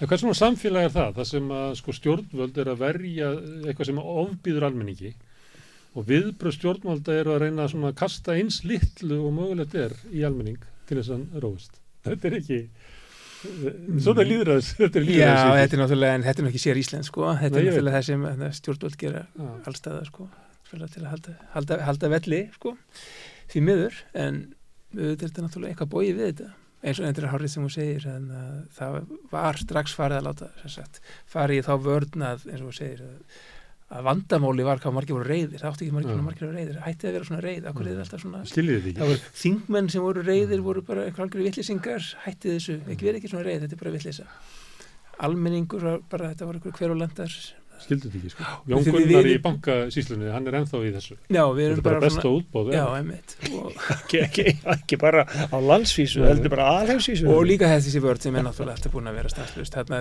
þið munið fá skýslu, þið munið fá meiri upplýsingar það koma meiri upplýsingar eins og núna munið við fá þetta í smá sköndum Mm. skýslu eftir skýslu og svo við verið glöðið við því það var lærdómurinn, við hefðum ekki fengið svona skýslur áður Ég hvað er það að kvarta það, það er raun og veru það sem fórsetið til þessar aðra hefur verið að segja sko. Mm.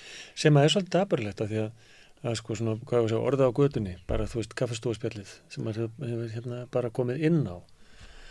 Að það, hérna, þar er fólk að tala um það í alvöru. Ég held að ekki eins, eins mikill alvöru eins og hingað hefur verið e, gert að hingað til segja. Að það er, fólk er að segja bara fullu fjötum að ef allir vinstri græni stíga ekki upp núna og bara slíta þessu stjórnarsamstarfi, þá eru þeir bóstaflega búin að jarða sig Mm.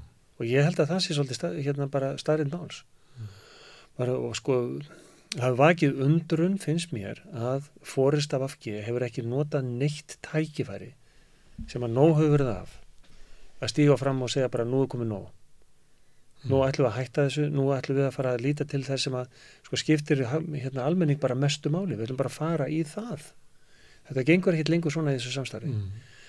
hún er enn að verja fórsæðsláður er ennþá að verja uh, sko, sá, frásnaflokkurinn gerir alltaf það sem hann er bestur í nú er hann bara horfin baku tjöld já. nú bara býður hann það var sko. ráðararnir voru svolítið kvassiftir í þessari viku. já, en sko, Katrín hún sko, ef hún ætlar að hérna, halda áfram í þessu samstarfi, þá er flokkurinn geti vel trúa því að þetta sé rétt þessi spátumur, Mm. hann hverfur það á næstu, næstu kostningum, Mm. það er bara þannig. Telur þú það að vera mikilvægt, að þetta sé þannig mál, að það sé mikilvægt að almenningu fái að ræða þetta mál í aðranda kostninga og kjósa? Ég held að þetta bara kjósa núna. Um þetta mál? Já, ekki um þetta mál, bara, bara ganga til alþýsku, ég ætla að Já. slíta þessa stjórn sko og bara búa til kostninga Mm. það er alveg komið tími til þess, það er mín skoðan það væri besta lausnin sko, Mm. það væri besta niðurstaðan sem væri, það væri láta reyna á það, hvort að almenningur vill halda þessu áfram, akkurat þegar að eldarnir brenna, að þeirra hugsunin er í gangi Mm. ég, það verið besta niðurstaðan ég er ekkit viss að hún verði sko Nei, nei. Það var svipað þegar það var bóðað til kostninga í Panamaskjörunum og þá var passað að bóða með löngu fyrir já, já, já, já. Mm. og helst í einhverjum svona bermúta friðning það sem allt er tínt og, og glimt og grafið. Henry, ég veit ekki hvort þú sést svona í praktískri síðfræði en það, hann, Þórar var að tala um það að þú veist, hvenar er komið nóg? Og það maður getur rakið og við konnumst öll við að sko grásrót Vafki var ósátt við þetta stjórnarsamstarf og tveir þingmenn sem að gengur bara af það fræg ummæli drífu um að þetta væri bara eins og ég þetta skýt og, og við höfum bara séð að, að hérna, og Katrín er meins að sagt að eins og sé að skiptum sko kjósatahóp það er mikil þrýstingu frá svona einhverjum kjarna, gömlum kjarna inn í Vafki að, að þetta sé dýrt, þetta sé gegn okkar hugssjónum og öðru slíku.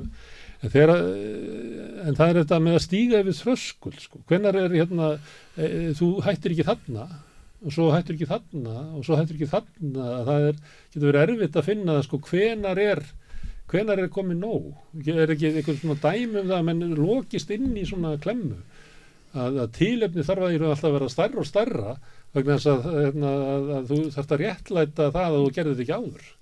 Jú, jú, það er bara þessi fræga hugsunavilla sko, svona söngkost falla sig, ég meina þetta er bara þú ert búin að henda peningum í þetta, þú ætlar ekkert að heldur áfram að henda peningunum sko, af því annars ertu búin að tapa sko, og þetta er, já, þetta er bara það er að ljósta Katrín er í þessum vanda sko.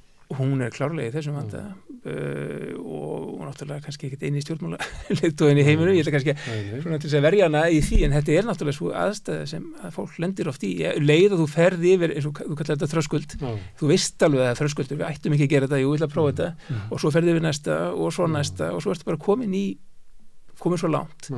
að þú getur ekki, sem þú að því að þú ert að fjárfesti í einhverju eða Mm. þú ert að fylgja einhverjum eða eitthvað svo leiðis það er svo erfitt að snúa tilbaka og ég, ég, ég myndi segja að það sé ekki að fara að gera sko. ég, myndi, ég get ekki ímyndað mér að það sé einhver að fara svona mál, einhverju sem er ráða í vinstri grænum að fara að þeim finnst bara óhugsandi í praktík að fara í kostinga núna já, ég, taka, ég get ekki get, ég sko, þá er þetta þetta þá er, ertu sko það er svo erfitt persónulega að, að viðurkenna mistökin þannig að það er, við þekkjum það all það er Mm. bara þannig. Og því að sérstaklega þú búin að investera svona svo ég sletti inn í einhverju. Það er bara svo erfitt að snúa tilbaka. Þannig við, það er bara í manneðlinu og við þekkjum þetta alveg að það er, það er líklega að þú stefnir í glötun heldur en þú snúi við.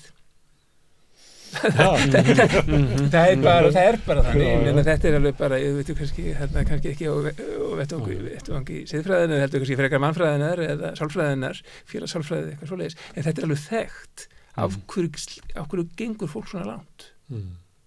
og, og ég held að þetta sé svona þannig dæmi sko. Já, það er svo dýrt að stíga yfir svona siðfræðilega þröskuld það er byr- hverfa. stígur ef- yfir það hverfaðir og það er ekki fyrirstað lengur að þeir eru leðina sko, en þú finnur alveg fyrir þeim. Já. en það er bara að hugsa henni, ég tek ekki næsta því að þú heldur alltaf næsti muni kannski þá ertu komið nógu langt til þess að vera komið fast og landu til fótum og það er svona, og svo tekur ímislegt með því minna það er búið að í hvers skipti sem er gengi lengra þá er ákveð að gera einhver svona sem ég byrjaði að tala um hérna það er farið einhver svona svona jákvæð skref tekin sem kannski þýði ekkert mikið það skrifu hvítbókum fjármálakerfið eitthvað svona, Mm. þú fær það í gegn það er eitthvað Mhm. kannski ekkert skrifin nema ég bað um það, ég vildi að þeir eru gert. Hefur bara ekki gildi. Já, en svo, svo spyr maður sig "Bíddu, hvað breytti það einhverju? Mm. Íslensk stjórnmál hérna, og íslenskur almenningur. Stundum hefur alltaf verið að tala um að Íslandíka láti allt yfir sig ganga og það er ekki alveg sangjart vegna þess að frá hruni hefur íslenskur almenningur kastað af sig þremur ríkistjórnum Mhm. og hérna rekið í manni ekki hvað marga þetta er fimm eða sex ráðura sko, út af þessu. Þannig að það er ekki það er þýstingurinn frá almenningi er eh, sterkur. En samt vitum við einhvern veginn í samabörðunum við, við önnur lönd það var ráð þeirra í Nóri að segja af sér að þenn hafi ráðið einhverja kunningja sína í eitthvað, var ekki dansflokkur eða, eða Einhver for, form, urðu formenn stjórna í Það var svo lítið og svo, svo smáeigileg sög að íslenski kjósutu bara hnussa fyrir að sjá þetta, finnst þetta bara frálitt. Henni, af hverju eru við svona, af hverju, hérna, er þessi kultúr ekki hjá, er þetta, er þetta bara eitthvað vandfróst, þú því að vera að tala um að geta ekki viðkjönd mistök og annað svona, það er eins og Já. bara sé ekki í kultúrnum, sko, að það er bara að viðkjönd einhver mistök og bakka, að það sé eins og bara fremja harakiri, sko, að þú set bara döður. Já, persónulega finnst mér þetta voðalega skrítið. Ég, ég er alltaf fundist þetta frekar augljóst. Já. Þú berð ábyrð á einhverju, þú, það er, þú, þetta stoppar hjá þér, þú verður bara að stíga til hliðar. Ég veit ekki hvað svo oft ég hef komið í fjölmiðla þegar það er verið að spyrja mig. og svo kemur, svo er gerst grína verið í fjölmiðlu með hana kom þessi sem segir alltaf að fólki að segja af sér. En mér er fundist það augljós sko. Mm. en það gerist ekkert, nema reyndar eða út kvenkins ráð þeirra í sjálfstæðarfráknu þá þetta fara. En þarna, það er Mm. doldið þannig sko, það er, Nákvæmlega. það er eitthvað með skipti, líka, líka skipta máli sko. En nei, þetta hefur ekki sko, ég menn sjálf þetta má ekki heldur vera politist vopp bara að losna við fólk. Mm. þetta er einhver ástæði fyrir því. Þetta, meina, þetta, þetta er að merkja einhvað að þú stígir til hliðar. Og það sem mér kannski líka finnst gleyma- stundum gleymast í þessu að fólk sem stígur ekki til hliðar þegar það er augljóst að ábyrðin stoppar hjá þér. Mm. sko, ok, samstagsfólk segir eru við stiðjum þig og við, þú, svona, þú mátt setja áfram. En þú verður svo veikur eftir þetta Mm. við höfum ekkert í þessu samfélagi efni og vera með ráþeira til ráþeira sem kemur engu í gegn, situr bara sem fastast einhvern veginn Mm. og ég byrji held ég fyrst skipti sem ég tjáði mig í fjölmjölu um eitthvað svona, var til dæmis með mál þá var hann til mentamál að vera illuga Mm. þegar ég sagði að vera nokkur augljóst þá að hann ætti að segja af sér uh, og var það eiginlega Nei, nei, hann sat áfram og einhvern veginn svona gerði ekki neitt í Mm. bara, veit, tvö eða þrjú ár, sko, það er bara einhvern veginn svona og svo hafa verið, við vorum með sjávartisráð þeirra hérna sem tengdi samherjamálunum Já, já. hann, það kom engu í gegn það gerðist ekki einhver Mm. skapalut, hann bara kvarfi einhvern veginn svona í bakgrunnin hefði ekki verið betra að svona fyrir alla, fyrir hans trúverðuleika fyrir samfélagið, fyrir ráðunettið og málarflokkin að stíga til hliðar Mm. en það er alltaf bara setið Ríkistjórnin er í held er eftir komin í þessa stöðu, hún mælist með voðalega lítið tröst já, já, og talandi um Katrín Jakobsdóttur sem að er líklega sá stjórnmálamæður þessari öld sem er oft mesta pólitíska innegn. Að ég vissum að ef við myndum skoða kannanir þá getum við séð að, að það sem að ver, valdur að, því að hún missir þetta tröst og er komið niður í svona svipuslóðum og áskil sælabokastjóri er, er Íslandsbókamálið Íslandsbókamálið þegar það kemur fram í apríl að það er strömmkvörf í tröstu til ríkistjónunar. Stundum halda menn þetta sé að þetta er COVID er búið og við sem er komin einhvern normal ástand. En það má sjá það og ég, það sem hefur verið byrjað að tala um það, sem er svona það sjokki sem að fólk fær, sem að, þú veist, er þetta í mínu samfélagi? Ég, Íslandsbákamálið er á þeirri starri gráðu og hérna núna á, á mánudaginn kom annað svona högg sem að hérna grefur undan, hvað við segja, lögmæti stjórnvalda. Þannig að já, já. en eins og ég segi, ég, mér finnst augljóst að, að hún getur bara sagt það hér eins og allir búast við að ég muni segja ég meina, Bjarni ber hérna ábyrð og mér finnst Já. að hann ætti að stíga til hliðar en mér finnst hann líka alveg hrikalega sko, bara eitthvað búin að vera veikur mjög lengi pólitísk sko. ég held líka að þetta hafi þessi áhrif hann kemur, ég meina, hann setur augljóslega bara alveg í skjóli Katrína, hann er svona hefur minni, minni pólitíska vikt Já. eftir svona gjörninga, eftir svona gjörninga við ríkistjónin náttúrulega afgriði ekkert af vorþingi. Það er nákvæmlega sem ég er að segja, Þann, þú, get, þú kemur engu í gegn, svo hefur við líka innviðar á þeirra forman framsunarflokksins sem fór ákveði mál, Mm. þar sem hann í raun og veru var svona alveg á ósalt, Já. hvernig þetta farið ekki. Þá koma samráð þeirra, jú, við ætlum að stiða þig. En þá ertu líka komin í vasa þeirra, hann hefur ekkert haft neina innegn síðan, það er mínum dómi sko. og þannig að þetta byrtist Framframflokkur er búin að missa helmingina kjósutusum. Já, og, og þá byrtist þessu sem þú varst að nefna að það, sko, þetta er ekki, er ekki Jón Gunnarsson getur ekki bara kent að vinstri greinar á móti öllu sem við erum að gera þess vegna að koma að fá mál þessi ríkistjórn ábæra er augljóslega erfitt með að koma málum í gegn af því að það eru allir með höngu upp í baki á okkur öðrum það, ég stötti því þessu, já ég stötti því þessu, ég stötti því þessu. Það er allir veikir eftir einhver mál í gegnum allt kjörtíðanbili Já, og það er alvarlegt mál og ég ætla að enda hérna hjá þér Þóran vegna þess að, að þú ert að fara í samninga bara fljótlega e, með höstinu og þar eh, hafa komið margir hérna formenn verkefælisfélag hingað og listi yfir að þessu mikilvægi samningar og þarna verða nást í gegn og það mun ekki nást í gegn nema með einhverjum eh, miklum breytingum á eiginlega stjórnastefnunni í sambandi við barnabætur og vakstabætur í húsnæðismálunum og öðru slíku þetta er ekki að sækja þetta bara til launa greiðanda Þið mætið til þessar samninga með ríkistjórnir sem hann er að lýsa sem er veik. Það er svolítið alveg staða. Sko, Eða er það, er það tækifæri? Na, ég er nú ekki alveg vissum það. Finnum ekki eftir hvernig spilast á kortunum. Það sem ég held að skipti höfumáli varandi næstu samlinga það styrkur verkefæðsefngarinnar það skiptir öllu máli.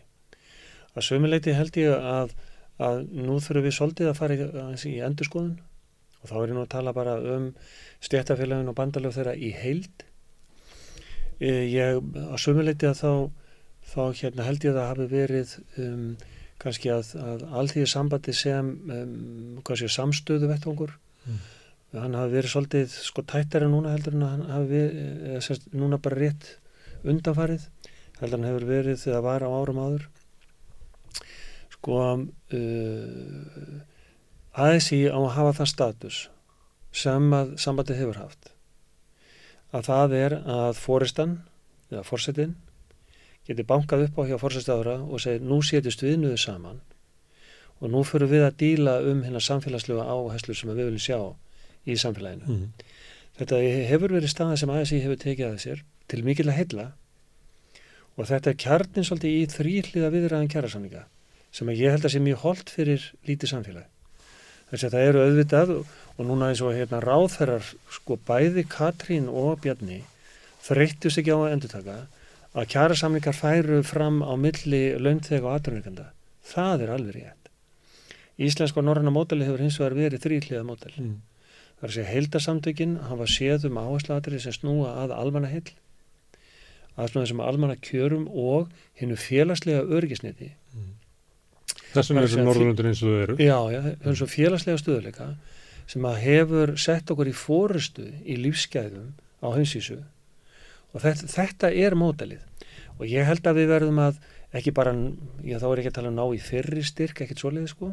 Heldur bara ná í maksimum styrk. Og þar mun sko, er leikur allþýði sambandið leikilhutark, vegna þess að þau eru bara í krafti stærðarnar það afl sem getur þrýst á um áherslur á þessu sviði og náð fram þessum samfélagslegum hérna, hvað við segja, samfélagslega árangri fyrir almenning, bæði húsnæðismálum, vakstamálum, í bara fjármálakerfinu per se sem snýr almenningi, í hérna, vakstabótum í heilbriðiskerfinu, öllu saman, Mm. sem að er, sko, munum það að við erum ekki nema með held í hvað 8,5% verk landsframlýslu í heilbriðiskerfinu með Norrlöndunum eh, kringum 12, þetta munar 2 og 100 miljardum ári sko. Mm. Þannig að, að við þurfum Þau hreyfing- meiri skatta sko. Já, já, auðvitað, auðvitað gera þið það og það er það sem vantar hérna að það er skattlagning á efri tekjur, skattlagning á arð og skattlagning á ríkidæmi.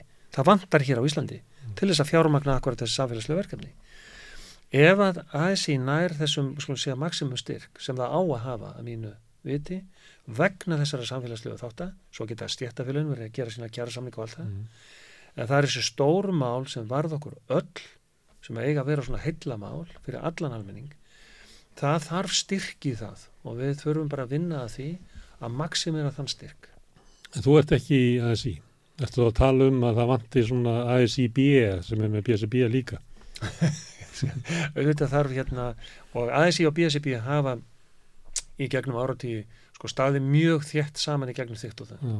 og það held ég að verið örgulega áfram samstæðan hefur kannski ekki verið eins og augljós við sem sagt háskólafélagin það sé að kemur hérna milli BSB og ASI og kennarafélagsins og BHM það, er svona, er, það er svolítið aðeins annað plattform. En þetta er svona samkynja hópar sem eru í ASI og, og BSB það er bara ofnbæramegin og, og, og almennmarkaðunum en það er bara stærðin. Mm. Það hérna innan ASI, ég held að sé um, það er sko 110.000 félagsmenn á bakvið ASI það er mikill meira hluta vinnumarkaðarins sem er þar 110.000 pluss minus 10.000 eitthvað. Mm. þannig að í krafti þess að þá er þetta svo stórt afl í íslensku samfélagi ef við náum að hafa eina stefnu sem staðið saman um. Og alveg bursið frá því að fólk getur haft ólíka skoðanir en þetta er eins og stjórnmálinn það verður að vera ein stefna sem að er almennings heilla stefna sem að við öll í reyfingunni verðum að saminast um. Mm. þráttur í kjara samningarna síðan sem við verðum að gera En þessi stefna sem að verkefnsfélagin verða að saminast um er Mhm. stefna um að breyta stjórnastöfninni. breyta, Stjórnastöfninni. Í skattamálum eins og nefnd. já, að bara þetta Þannig að verkefnsfélagin þarf að mæta að þá til sannistu að sjálfsögðu með Ver- til þess að breyta stjórnastöfninni er af því. vilja stjórnarflokka. já, já, það er út af því við vitum þetta og höfum séð þetta sko í gegnum árin það eru mörg, hvað ég var að segja atriði sem að stjórnmálaflokkar og hérna stjórn uh, Ríkisvöldin Íslands hefur gert í gegnum, gegnum áratíðina sem har aldrei verið nefnt í aðdraganda kostinga svo komast þau að valdaborðinu og fara að gera einhvern anskotan sem aldrei var hérna samþýtt á almenningi og sem almenningur er á móti dæmi, sala Íslandsbanka.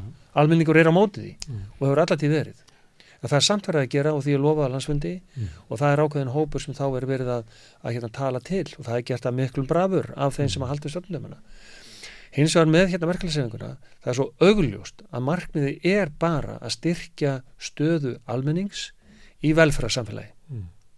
og það er það sem við eigum að gera Mm.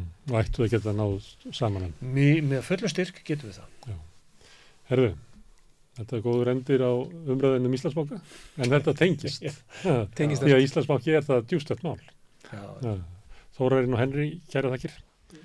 Og við ætlum að taka fyrir annað mál núna sem að er síknudómur í hérastómi yfir hjúkurnafræðing. Ég ætla að ræða við formann geðhjálpar um það mál. Það lámarkslaun fyrir hámarks ábyrð. Til að manna mikilvægustu störfin þarf mannsæmandi laun. Ebling, stjættafélag. Já, ætla það hafa verið mörg mandráfsmál á þessu ári og rauðlega undanverðin ár og verið mikið í umfylgunni. Eitt hefur svolítið sérstöðu og það var kveðin upp í hérastómi í síðustu viku, síknudómur í því máli. Það er hjúkurnafræðingur sem var ákjærður fyrir að hafa orðið völd að dauða sjúklings á geðdeitt landsbyrðarnas. Mikið verið rætt um þetta mál frá ýmsu sjónarhóðni. Uh, lengi var þetta notað sem svona til þess að sína fram á mikið álag á uh, hjúkurnafræðingum og öðru hjúkurnaliði á spítalónum. Við komandi hjúkurnafræðingur hafi unni mikið, það verið á töföldum voktum og svona áður en þetta gerðist. Þannig að hann hortaði frá því svona hróli en þegar síknudómurinn kemur, það sem er ekki vegna þess að, að það hafi verið mikið álag eða hún bara ekki ábyrði eða eitthvað líkt heldur er það síknan er falin í því að það var ekki ásetningur að hún hjókunarfræðingurinn ætlaði ekki að að deyða sjúklingin og þess vegna er hún síknuð sem er svolítið sérstakt í mandrápsmálum því að það er ekki alltaf þannig að þeir sem eru dæmdi fyrir mandráp hafi ætlað sér að drepa einhvern. Það er, það er einhver verknaðu sem að leiðir til þess að einhver deyr og fólk er dæmt fyrir það þó að það hafi ekki verið skipulagt morð eins og heitir þegar það er, er, er ásetningur og skipulaga baki. Og þessi signidómur hann hefur maldið svona ákveðum skjálta meðal fólks með geðraskanir og þeirra sem hafa leitað inn á geðdildinar og hafa þar eins og komið fram í viðtölum hér við rauðaborðið til dæmis hafa orðið þar fyrir ja, ákveðnu ofbeldi, frelsisvitting er náttúrulega ofbeldi og, og það er neitt líf ofan í fólk og annars líkt. Þannig það er svona ákveðin skjálti í hóknum. Til þess að ræða þetta viðkvæmum mál er hingað komin Sigriður Gísladóttir, nýkjörinn formaður geðhjálpar eða fyrir örfám vikum eða mánuðu síðan. Verður velkomin. Takk fyrir. Segðu mér hérna, þetta veldur svona, já ég, ég veit ekki títringið eða vangaveldum, fólk verður svolítið hissa þegar það heyri þetta og spurningin sem hlýtur að vakna meðal þeirra sem að hafa notað þjónustu gældeldana er það, er það svo að vegna þess að fórnalampið er einstaklingur sem er lokaður inni á, á gæðdeld, sviftur mörgum réttundur sínum, að þá sé brotið minna.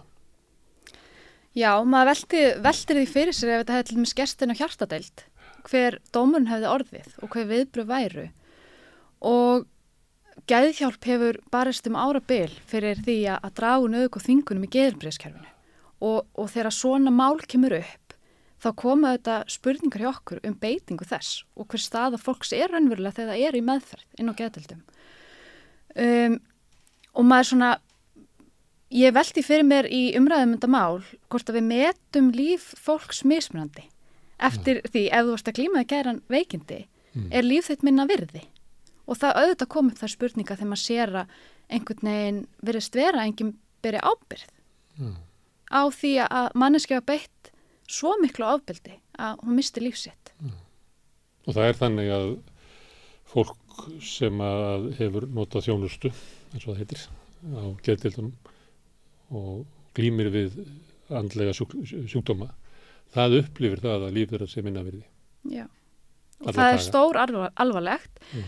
og auðvitað þá vaknar upp mikill óhugur hjá fólki sem að tengist þessu málaflokki en máli er að þetta kemur okkur öllum við Mm. öllum í samfélaginu því við getum öll einhver tíma á lífsleginni glýmt við einhverja geranar áskorunir eða lendi áfullu með einhverju erfið lífin okkar og þetta varðar það þegar við erum komin uh, inn á stopnun valdast það gagvart okkur og, og hvernig komum fram við okkur það kemur okkur öllum við og mér finnst þú svona mikið eftir þessu máli að einhver beri ábyrð að einhver beri ábyrð og að því að þegar einhver beri ábyrð í þessu máli þá eru skilabúðan þau hvort sem að það sé meðvitað eða ómeðvitað að þetta sé í lægi Mm. skilabúðan eru þau að þú getur beitt uh, notenda innan geðhelbriðis kerfisins því líku ábyrdi með þeim afleggingum hann deyr en enginn þarf að taka ábyrð og auðvitað er ímislega raukstunningu sem hefur komið fram í vittnusbyrði fólk sem að tengdist þessu atviki Mm. einmitt varandi aðstæðurinn og geðdelt sem voru mjög slæmar og alvarlegar og, og bjóðu upp á að mistu gerist og eitthvað hræðilegt gerist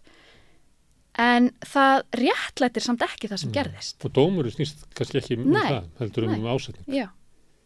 Og fyrir þá sem að svona, ég hvet alla sem að hérna láta sig, þessi mál varða að lesa vittnesbyrðin og lesa dómin um hvað átti sér stað gagvart þessari konu. Mm.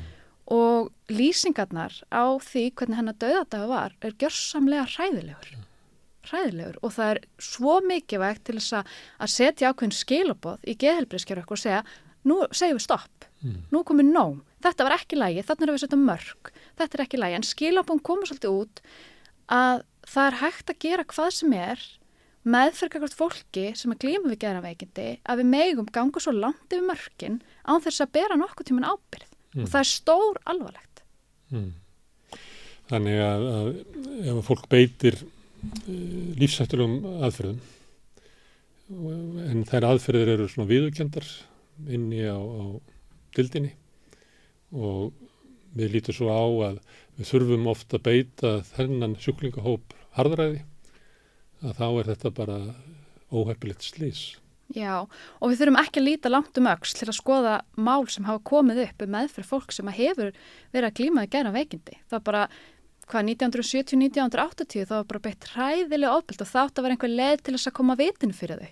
Já. Og ég held að þetta séu bara ennþá mikla leifar af því. Það er ennþá einhver hugsun að við getum beitt á, ákveðnu valdi að því að fólk er með, að glíma þessi veikindi, að þá er það í lægi. Að þá einhvern veginn breytist normið okkar. Þess vegna nefndi ég það áðan en ef þetta hefði gerst henni hjartadild. Væri normið okkar að sama? Ég held ekki. Nei, það er öðruvísi tekið á, hvað við segja, andlegum sjúkdómum eða líkamlum. Já, og það sem er mikilvægt í þessu máli er að það hafa komið upp alls konar mál í gegnum tíðina og bara síðastlegin tíu ár hefur mikið verið rætt um hérna, meðfyrkakvært fólki sem glýmið fatlanir, fólki sem glýmið við gæran veikindin og ymsum stopnunum. Alls konar sko, ljót mál komið upp. En það verðist vera mjög einkennandi að það ber aldrei neitt ábyrð. Og þetta, svona, þetta gerist þannig að samfélagi fer í bara svona uh, mikil losta, eitthvað svona hræðilegt það hefur gerst í samfélaginu okkar, það verður mikil umræð eins og þú nefndir í samfélaginu eins og hefur verið síðastlega viku, en svo gleymist þetta. Mm. Engi bara ábyrð og svo kemur upp annar mál. Og eins og í þessu máli þá er einhvern veginn svolítið svona hugsun gerum betur næst, reynum að þetta gerist ekki aftur. Mm, Vonum að það gerist ekki aftur. Já, Það er, heiti það þegar maður breytir engu, nei. þá hangir maður bara vonin einni. Já, og kannski þeir sem hafa fengið að segja sitt álit á þessu máli er vissulega hérna landsbytalenn sem hefur tekið ábyrð á, á, á þessari stöðu sem myndaðist þar á þessum tíma. Uh, Félag Ís íslenska hjókunarfræðinga fögnuð þessum neðistöðum að því að þarna var verið að venda starfstjætt Mm. í sínið í skilning, algjörlega. En hver er að tala málasara konu? Hver er að tala málasara konu sem misti lífsitt? Svo, núna. Já, og það er mikilvægt. Herðu, ábyrð, hún er áttalega í svona mörgum lögum. Mhm. Það er eitt er svona lagarammin og reglunar sem að lögjafinn setur um, um, um hérna, sem að geða þjálfur í kröfur um að séu bætt, til dæmis um, um þegar fólk er svift sjálfræði og öðru slíku. Mhm, jú. Síðan erum við með kerfið sem að rekur deildirnar og, og það þarf að, þar eru reglur sem að gæta ekki að, að réttindum sjúklingana. En svo inni í svona kerfi eru einstaklingar sem eru að gera eitthvað og þeir byrja líka ábyrð. Já. Mm. Og í þessu máli var umverulega bara einstaklingur inn í einu vonda kerfi sem að var dregin til ábyrðar. Já. Það er eiginlega engin leið á því að draga, e, þú veist, kerfið sjálft Nei. eða getuleysi lögjafans til þess að standa við, með mannréttindum fólks sem er að glýma við gæðrannar vanda. Já. Uh, ég líti á þetta mál sér þannig að það þarf að taka þetta mál og setja ákveð fórnami fyrir hennar málaflokk og þá erum við náttúrulega með heilbyrðisáþara sem að, að bera ábyrð á þessu málaflokki og þarf að skoða hvað er að gerast, hvað er að fara úrskeiðis. Mér finnst líka uh, að því við erum að tala um ábyrð geðdeldinar og ábyrð þessar starfsmanns það kemur fram í vittnesbyrju frá samstarfsfólki þar sem að talað um að, að þessi tiltekni starfsmann sem átti hlut að, að hann hérna gæti verið mjög hérna, erfur við þá notendur sem voru að, að þeirra svo krefjandi sem er svona, við getum þýtt sem bara einstaklingar sem eru glímaðið mikil veikindi og tala mikið um að, að þessi kona var ekki allra og væri svolítið erfið í samskiptum. Þetta getur líka þýtt að þessi lýsing er á sjúklingum sem að að berjast gegn þrönguninni sem er eiginlega eðlileg mannleg viðbröð. Já, og það verðist verið svolítið samnefnari í, í þeirra frásögn á þessari konu sem hjúkunufræðing er að hún hafi komið illa fram við notendur mm. og þá sem að líka, akkur var ekki stíð inn? Mm. Akkur var ekki gert eitthvað í því að þessi manneskja var að koma svona fram við þá notendur sem voru að nynni? Og þá hugsa maður náttúrulega út í menninguna. Hugsa maður líka út í viðþorfin og það sem við hefum talað um nöðungur og þvingun í geðhelbriðskerfunu hvað er í lægi og hvað ekki? Mm. Þannig að það það er frekar varin réttur konunar til að starfa við það sem hún er mentu til heldur en öryggi sjúklingana eða, eða bara velíðan sjúklingana. Já. Og hvað er hérna þetta er náttúrulega saksónari sem ákjörði hann mun kannski áfrýja. En hvað gerir geðhjálp? Við munum berjast fyrir því einhver byrja ábyrð mm. og, og vonandi verður þetta mál svo að það verði sett fordami og sínt fram á að sumt eins og ábyrð að þess að þennan hátinn í geðalbyrskinu okkar er ekki liðið. Að það þarf að einhver að byrja ábyrð á því og við munum berjast fyrir því. Við munum halda áfram okkar baratu sem hefur verið til margar ára um að draða úr nöðungun og þvingun í geðalbyrskinu mm. okkar. Við viljum breyta hugmyndafræði, við viljum það sem er meiri samtal, það sem er meiri virðing á milli notenda og, og fagaðila það er mm. gífilega mikið vegt og við mikið barast fyrir því að það sem er að notenda samráð að það séu jafningastarfsmenn sem starfa inn á geðtöldum því að það er sínt sérlendis að breytir óslega menningu inn á deildinni og við mm. þurfum við til þeirra sem er í þjónustöðar. Það séu ykkur sem hafa einsinn inn í lífsjúklinsins því að það er, það er eiginlega þekkir það engin nema sem hefur reynd. Já, mm. það er gífilega mikið vegt. Já. Já, en uh, geðhjálp er er geðhjálp uh, réttindasamtök, mannréttindasamtök? Við erum hagsmunasamtök. Hagsmunasamtök fyrir þennan sjúklingahóp sem er að berjast fyrir bara viðurkenningu. Já, bara, bara, og við erum að berjast fyrir í raun og bara oft í raun og veru má segja bara mannréttindi fólk sem að glýmuðu geðan veikindi. Sem, sem er, er ekki virt. Nei. Mm. og það er Það er búið að vera marga, marga, marga ára barata og ég er svo sannlega ekki fyrsti formaður sem að, situr í þessari stöðu að berjast örgla í nákvæmlega sama máli mm. af því þetta, þetta gerist svo hægt og maður sér valla viðbrökt en að vísu þá höfum við séð einhverja bætningu þegar kemur því að það eru komni jafningastarfsmenn inn á, á mm. getildinnar, það er meira nótenda samráð en það er virkilega langt í land mm. og þetta er langtíma verkefni að breyta geðhelbriðskerfin okkar mm. en við þurfum að vinna það saman. Það var ráð sem ég heyrði einu svoni um fólk sem er í svona baróttu, alltaf í mótlundi, að það er eðlilegt að, að manni fallast hendur á einhverju tímabili og verður bara að gefast upp, það bara breytist ekkert að það er svo mikið óunnið þá má maður staldra þessu við og líta tilbaka og segja, herðu, við erum búin að ná þó þessum árangri. Og það held ég eigi við um, um sko geðhjálp því að umræðan um þessi mál er önnur núna en hún var fyrir 10 árum eða 20 árum. Já, ég er algjörlega sammála því. Þetta gerist hægt en þetta gerist og Já. okkar starfi gífulega mikilvægt í, í þessu samfélagi sem við búum í. Mm. Eitt sem er varandi hérna, fólk með geðraskanir að það er sumiliti halv ósynilegur hópur. Það er sjaldan sem að þetta kemur fólk fram og talar um glímu sinna í forstuðinni og annars líkt en, en til dæmis konan sem misti lífsitt inn á deildinni, við veitum ekki mikið um hana. Nei. Þannig að, að, að sumuleiti er þetta svona uh, skuggaverur sem að Já. það getur oft verið erfitt því að þá getur eiginlega hvers sem er ímynda sér eitthvað um það hver þetta er, hver Já. eftir sínu nefi. Og þar líka kannski svolítið líka okkar ábyrg sem samfélag. Þegar við erum samfélag sem er uppfyllt af fordumum og ég veit alveg á síðustu árum það er mikið ávinnust í umræðu og við vöndum betur hvað við segjum. Og, og það var einhver svona ákvörnum fyrir einhverju árum þar sem að, að við áttum okkur því að, að fordóma fulla umræðan sem var í gangu í Íslandi var ekki lægi, þannig við hættum því. En það sem gerðist var svolítið við hættum bara að tala um það. Að þetta er, þetta er ákveðin skilabúi samfélaginu að þessi fylgiskömm og þetta er eitthvað sem okkur finnst erfitt að ræða og, og svona gerir það kannski svolítið verkum að fólk sem klýmir við geran veikindi eða geran, geran áskorunir einhvern tíma í lífinu sínu mm. og fer í gegnum það að það er mjög erfitt að koma fram að því því fylgir fordómar, það fylgir ákveðin stimplun í okkar samfélagi. Mm. alveg sama þá við setjum og segjum nei ég hef ekki fordóma, það, þetta er samt kræmandi í samfélagin okkar. Það er nú áviðu þetta eins og svo margt annað, ég held að fólk sko vannmeti eigin fordóma stórgóðslega og ég held að við erum bara gangast við því að þú elst ekki upp í þessu samfélagi nefnum að vera uppfulla fordóma og það er bara, þið endið þú alla æfin að skrúa ofan að þeim sko. Já. þannig það er bara linnuleg starf. Svo sem að segist ekki að vera með fordóma, hann er örgulega mjög fordóma Já, maður þarf sífælt að stega tilbaka og spurja sig. Að því það er svo margt sem er lita fordómi sem við áttum okkur enga veginn á þessu fordómar. Þannig að það er mjög mikilvægt fyrir alla að svona inn á við og skoða sína eigin fordóma og, og berjast á móti, það er svolítið okkar hlutverk. Mm. að endur forrið okkur út frá þessu samfélagi sem við mótum Svo eitt af því að heyrði að þú sagði sko í gæran veikindi áskorunir að það líka innan úr svona ykkar hópi er að vera alltaf að breyta hugtökunum og Þannig að fólk getur orðið svona óurugt í umræðinu sko, hvað má maður segja þetta árið því það er alltaf verið að færa til orðin sko, mm -hmm. á flótta undan ykkur skömm, Já. en kannski, ég veit ekki hvort að þessi leið... Ég held að sé aðlega því sko. það er búið eðilegja orðin. Já.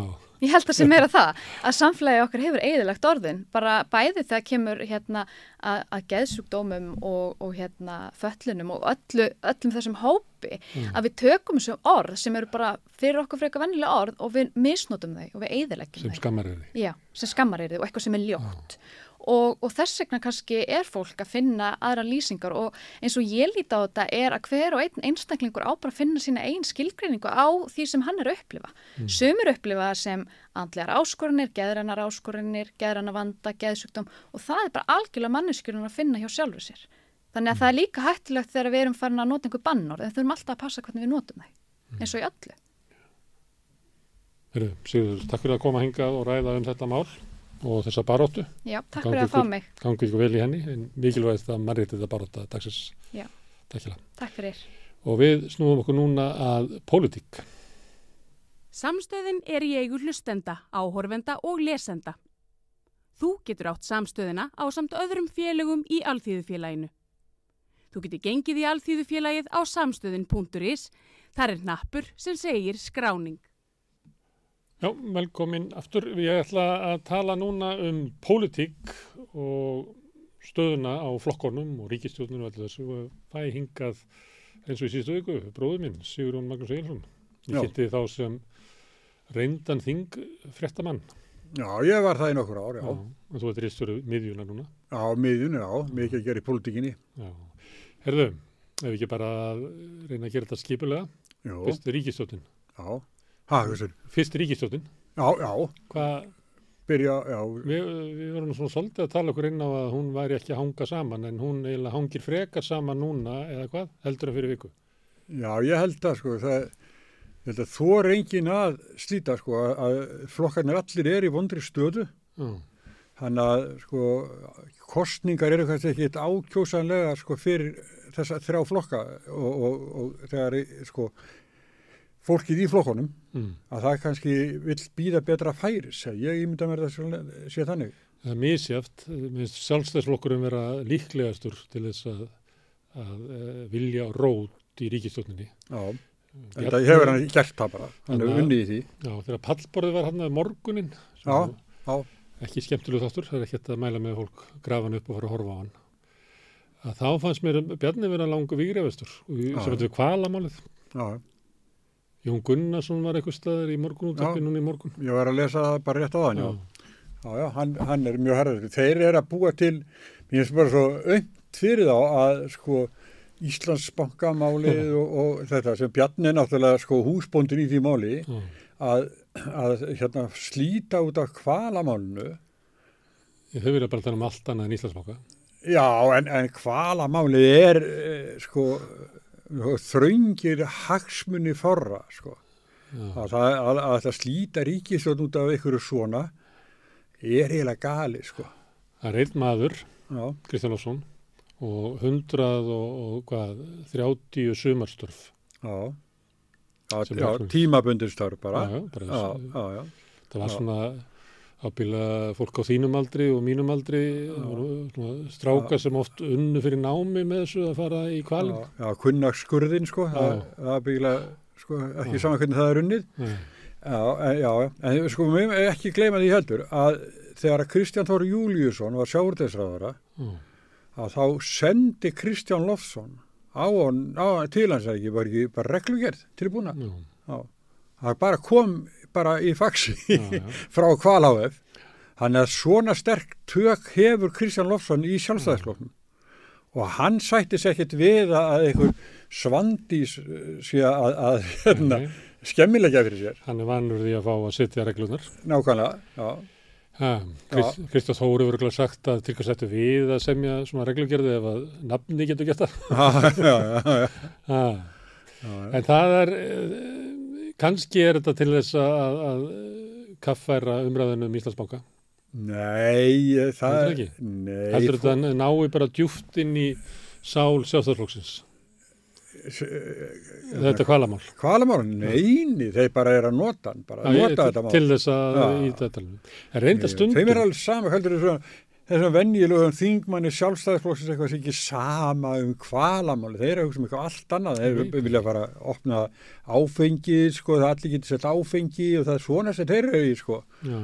Og hvort það þurfa að draga úr þessu styttingu fram að skólan þarna sem Ítluvi Gunnarsson gerði, sko, eitthvað svo þeir þar, það er, en kvalurinn, það er þá bara, Það er eitt sem er í flokknum sem að til dæmis hvernig fólki sem býr út í skerja fyrir því talar út af því að þá koma hverfið þarna og Já, þeir vilja já. ekki fá einhverja fátaklinga inn í ríkramanna hverfið sitt já, já, og í sambandi við þetta að þá stundu finnst mér að sé svona hluti að sættarflokkum sem það þú veist, ef að við, okkar menn get ekki stoppa svona mál, til hvers erum við þá eiginlega í ríkistjórn? já, Það er þessi stemming sem Já.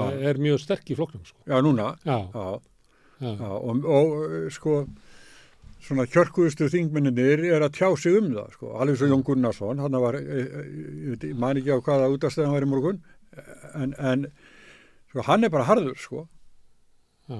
og, og hérna Hann er Svo- svolítið svona skellir út og svo kastar hann hérna sipp og kveikir ánum á eftir sér og kveikir í húsinu. Hann er svolítið þannig. Hann er já, að tala um að ríkistjónu sé eiginlega ómúguleg. já, já en það er hann farin úr Já, hann, hann fer með sko. Já, hann fer með hurðarskellum og Já. hann er bara að kveiki í húsinu. það fyrir mikið fyrir Já, það fyrir mikið fyrir og ég, Hann, hann ætlar ekki að láta þetta verða ókipis. Að henda Jóni Gunnarsson út ríkistjóð, það er ekki ókipis. nei, en ég, sko þegar hann var gerður að, að dómsmálaráður hans kannski var mest hissa öllum sjálfur sko að, að hann fengi þetta ráðuniti En það var að sko, eh, hann vantaði eitthvað tíma til, til að komast á eftirlaun Já. Og það var þá átjá mánuði Mm. og þá var það komið. Þannig að hann getur ekkert við fúllið við því, hann var bara ráðinn í þennan tíma já, en svo er annað sem er með svo auðlega legt sko, bæði hann og Bjarni hafa bara ítrekað það að nýji dósmálaráðaran skuli í einu öllu verða Jón Gunnarsson Já. í háttum Mm. og stefnu. Það var könnun í vikunni, þar sem að sjálfstæðismenn voru spurðir. Mm. Það voru yfir helmingur var ánaður með Jón, Mm. en bara eitthvað rúmlega 20% með Guðrúnu. Þannig að til þess að vinna hilli sinna flokksmanna þarf Guðrún að sína að hún er ekki bara jafngóð og Jón, heldur betri en Jón. Og Já. þá er það líklega í þessari svona, þessum tón sem hann hefur gefið í, varandi voppaði ykkur lauruglunar og flóttamönnum og hann er í ykkur stríði gegn skipulari glæpastarsemi og, og hann er að lýsa heimi sem er eiginlega að fara til helvítis og að við þurfum að fá svona nýja löggu í, í bæinn. Mm. Hann er svolítið spilað inn á það.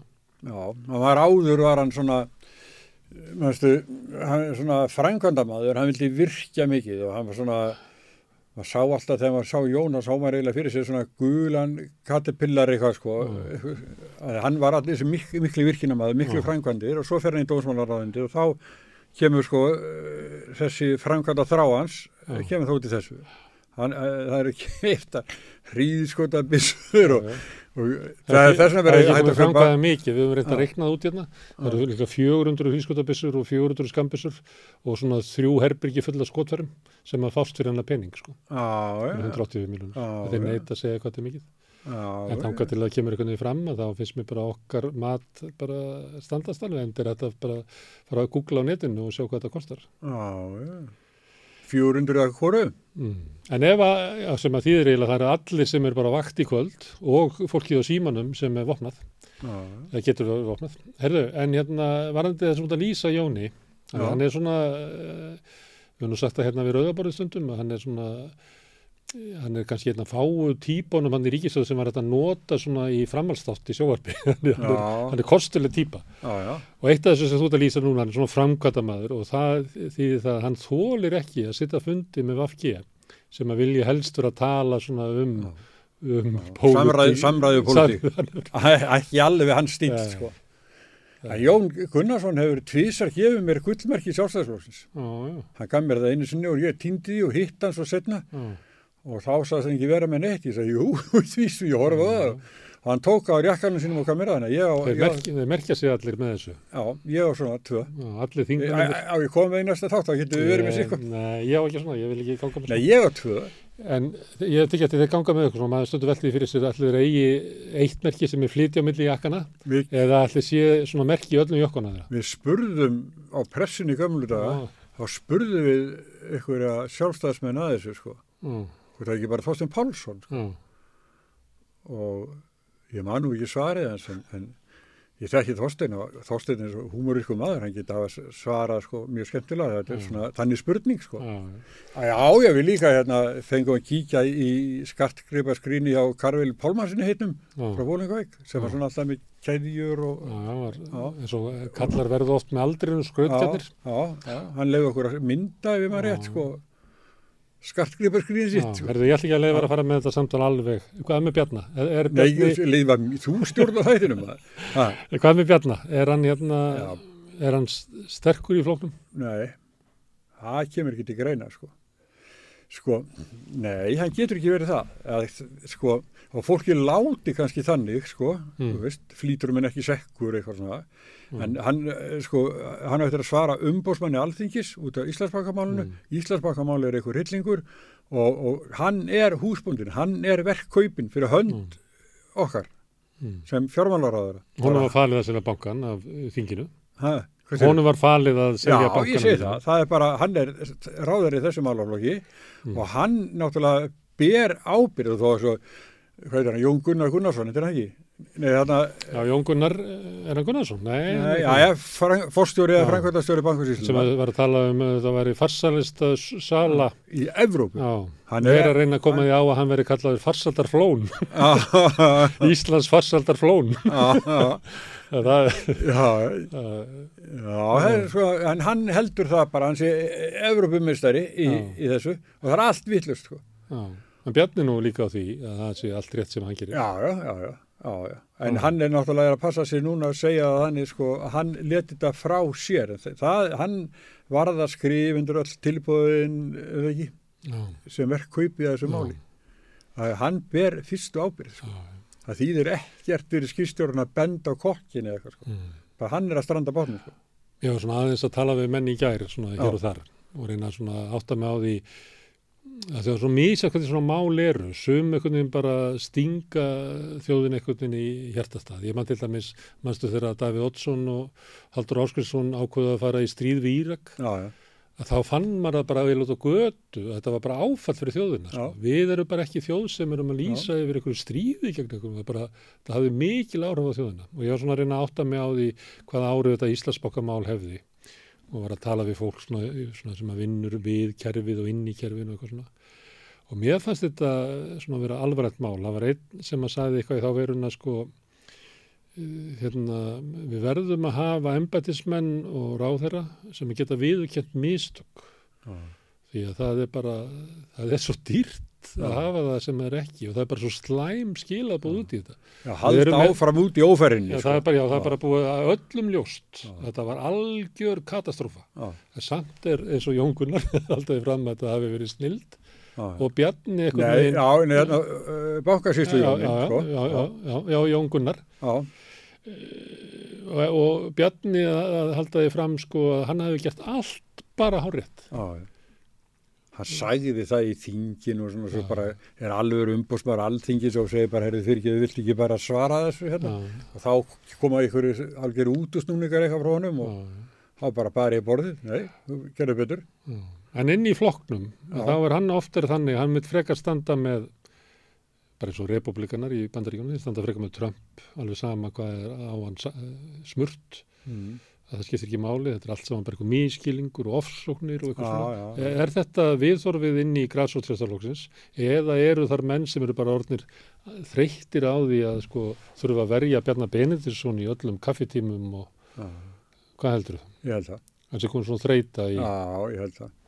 Ég, hann er búin að ná Davíð held ég, hann, e, bara Ólaður Tórs sem hefur verið lengur formaði sjálfstæðisflokksins. Hann er alltaf, hann þarf eitthvað 15 ári viðbútið eitthvað, eða 20 ári. Nei, já, já, hann var, Ólaður var yfir 30 ár. Já. Og þannig að, að en sko, ég, ég veit ekki, þetta er eitthvað svona vandrað með, sko, Vilji Guðlur Þór, sko, var, sem, sem formann og hans kríku eða það Hann vil ekki bjarni að Þórti Skólblund ekki við þessu? Jó, jó, það væri, sko, En er hún að uh, styrkjast inn í flóknum? Eða já, hún er, ég held það, Já. ég held það, þessi herfóringi sem hún er hann í auðvitaðkisramöndinu, að það er að skapi sjálfstæðsmanna. já, Það sem hún lætur eins og hún sé bara einn hersöðingjur NATO. Þótt að hún sé frá landi sem er ekki eins og með her, að þá er hún oft bara herskári en aðrir. já, já. Búin að taka loka sendir á þinu. Bara, það, ger, það gerum bara á eigin spýtur og aðrir er ósáttu við það, sko, þannig að Sástu myndina af sendiherranum sem hann setti á Facebook, það sem hann var með fyrir Já, utan. já, já. Þetta var, þetta var eitthvað svo, svo umkomlaus. Já, mér er snill tjánum að láta ekki, það er ekki sem minn. Já, ég veit þetta var, þetta var söguleg mynd. Já, já. Íslenska auðvitaðkistónastar komin í fjórar ferðartöskur á leiðin Já, já, já, já, já, en ég, ég, held hún hefði styrt sig, sko. Mm. hún svona kemur betur út uh, núna og ég held að það sé fyrst og fremst sem eða, skiptir miklu máli fyrir hana, það er það að Þórlindur Kjartansson er aðstofmaðurinn núna. Já, að þegar hún var þess að skrifa sko, í sunnundasmokan, ég held hún eh, skrifið sem sagt í annarra hverju viku í sunnundasmokan ekki allra allir saman Þorlundur skrifið það, nei. Nei, kannski lesið yfir það já. að því stílinn hennar var ekki góður ég, ég og, og annar voru svona hvað ætlum sé að meina sko. En, en nú er það bara alltaf að því ég þe- þekki Þorlind, hann er sóma maður og klár Já, já, og, og að vilja vel mentar þetta bæði Með allra skástu sjálfstæðismannum. Já, svo skemmtilegu líka. Já. Þegar hann vann eh, með mér sko, þá komast þetta gangkvæmt á höndum á skrifstóna til mér til að spyrja hvort ég væri með símanúmer í eitthvað með eitthvað sko. Og gekk hann stundum á höndun, skemmtileg sjálfstæðsmaður. Og, og við, vikunarlegur. Ég held að hérna, að hún hafi styrst mikið við að fá hann. Ok. Að hann sé ekki bara, eitthvað, já, En ok, heldur að það sé ykkur inn í valöld sem er með, herðu býtu við, við mælumst með 18,5% fylgi, við erum með öflugustu kostningavélina, við getum bætt svona 6% í kostningabaratu, við getum farið í 24%, Mm. býtu, já, við ekki bara láta það gossa. Þetta er að sé verið að metja þetta þannig. já, ég, sko, fyrir síðustu kostningar, Já. þá var mældi sjálfstæðsflokkun ekki vel. Nei, og enn síður 2016. Já, en Bjarni sagði svo bara daginn fyrir kjördag sko. Hann sagði við fáum meira þetta sko. Og þá sagði við, uh, talaði við mig eftir og uh, rifið þetta upp sem Bjarni sagði og þá kemur sko hérna borgarfjörðarruglið sko. Já. Og þá byrjuðu er verið að hann stýra einhvers staðar sko kostningu. Er, hvað vitum við? Þeir náttúrulega stýra meira og minna kostingum á Íslandi sem er náttúrulega að hinn í flokkarnir látið sætta sig við það sko. Þessi sísluminn eru meira og minna sjálfstæðismenn. Já, já. Þeir eru búin að reka dómsmálaráðundið hérna síðan elstu með muna. Já, já. 87% á tímanu frá 1991 reiknaði ég um daginn. Af því þeir voru eitthvað kvarta yfir stöðin útlendingamálum. Þeir eru búin að vera með hana. Þetta er bara höfundaverk þeirra. Þessi staða. En þarna ég held að það sé mikil ó, ó, svona ókyrð í, í sjálfstæðisflokknum. Mm. Já. Og hver ræður sjálfstæðisflokkum? Er það svona uh, stöndur eldri kallar? Þeir eru myndir af fundum að inni. Þá er þetta náttúrulega bara Haldur Blö- Blöndal er bara í miðjum aldri á myndunum. Já, hann er formaður sambands eldri Já. sjálfstæðmanna. Þetta er ég sessiðu. Mm. Hann Hver er- ræður sjálfstæðisflokkum? Samir ég? Nei. Nei, það held ég.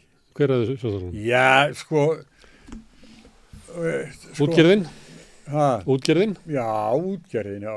Mm. Já, ég held það. Eins og sérst bara í þessu kvalamáli. SA Já, sem er náttúrulega rosalegt svona powerhouse því að þeir stjórna hverjir er í lífyrirsjóðunum og Já, þeir eru náttúrulega hérna, samtöku aðurlýsins húsið er náttúrulega kannski valdamesta blokkin í íslensku viðskiptalíf. Já, neðan er það kerfinu og því. Öllu því, því. Já, já, það er það. Haldur Benjamin eftir formaður? Það er náttúrulega var að talað um það, Já. en ég sko sjá til. Þegar þessi hörðu átök voru millir eblingar og SA, Mm. að þá hérna, gekk umsu, Mm. Eh, svo hættir, eftir þá samninga, þá hættir Haldur Benjamin. Mm. Og eftir það er Solveigana og Ebling búin að ganga frá mörgum samningum Mm. alveg hljóðlust. Engi vandamál. Þannig að hú- ég segi að vandin var Haldur Benjamin, sko, Mm. ekki Solveigana. Hún náttúrulega var að þurft að berja stiðið hann þennan fauta, sko, Mm. og bara á hans velli og, og hafði bara betur og hann, er, hann er farinn og þá semur ebling bara eins og sér. já. Þú heldur að SA hafi raunlega verið að losa sig við hann? Það sömuleiti var sko, taktikinn hans var þannig að ebling ekki að semja, ebling ætlar bara í átök á vinnumarkaði, fara í verkvöld út af einhverju pólitísku tilgangi og við verðum bara að svara því með sama hætti. En svo þegar eins og þú ert að lýsa, þá vil að afhjúpast það í sögutræðinum að það voru þau sem að voru í einhverjum svona stríði sko. já, já. Ég meina, SA, Ebling- ekki- ekki- ekki Sólveig Anna. Nei, nei, Nei. Solveig Anna, Nei, þetta er bara að fólk ætti fyrir mat út mánuðin. Já, já. Þannig að sömuleiti afhjúpast það, þannig að kannski var svona innan, kannski hefur hann eh, fundið að, að, svona, að það veri erfitt að fara að mæta með þessa herskáu stefnu inn í næstu samlingslótu. Já, já, kannski. Það myndi aldrei til. vinna það. Já, já. Kannski. Einmitt, sko. Þá myndi einn hvorki ganga inn í rekja, svo þetta var bara Mhm. vittlesa. Það er mér fyrst það, mér finnst hérna, og ekki nógu mikið aðdegla á því að ebling er búin að gera marga samninga eftir þetta, þá er ekki Haldur Benjamin og allt gengur vel. Mm. Hann, hann var í því að, hleypa þessu upp og reyna að búa til einhverja ranga myndasólvið önnu, hún er kannski kvatvís og ég held að Mm. þetta er svona system. Þannig að sjálfstæðarflokkurinn, hann býður átækta, Já. fylgist með, ætlar að sæta færis og fara bara í kostningar ef vill. En svo er náttúrulega þessi millileikur sem er alltaf bara að henda vafki út úr ríkistæðinni og taka flokk fólksins í staðin. Já. Og sé ekki ódýrara. Ég, held að framsónamenn og sjálfstæðsmenn séu að tala um þetta þessi á milli sko. Þeir segja bara það er bara of kostnaðsamt fyrir okkur að vera með já. Ég kenna vafki um alls konar hluti. Ég heyrði eitthvað tala sjálfstæðsmenn sem var að kenna vafki að bankasýslan hefur verið lögð niður eftir hérna, ríkisendur skona skýrsluna Já, já. Sem er bara, eh, þetta er búið að vera stefnur sko sjálfstæðsflokksins eh, alveg frá því að bankasýslan var sett á laginnar. Já, já. Þá er það svona, það er svona eins og bara að kenna vafki um eiginlega allt sko. Já, já. Hmm. Já, já. En það er hérna vafki, ég er að tala um það. Solveig Anna, þú nefndir hana, Já. hún var hérna í, í fyrradag Já. Og hún var að segja sko að eh, ef það er einhverju kjósendur vafki, einhverjum almennið þingmenn eða er einhverju og þannig inni að þá lítur þetta fólk bara ekki að sætta sig við að hérna Katrín Jakobsdóttir láti eins og vafki segi Katrín Jakobsdóttir Mhm. að það lítur, að það lítur að vera einhver, svona, ef það stjórnmálaflokkur hana Já, að þá getur sá flokkur ekki látið Íslandsbankamáli yfir sig ganga. nei, ég er samanlegaður. Mm. Og bara henni, ég var að ekki- vitna í hann. Það er bara ekki, við, hérna, ekki bara þjó, eh, þjóðin ekki heldur, við, þetta má ekki ganga. Mm.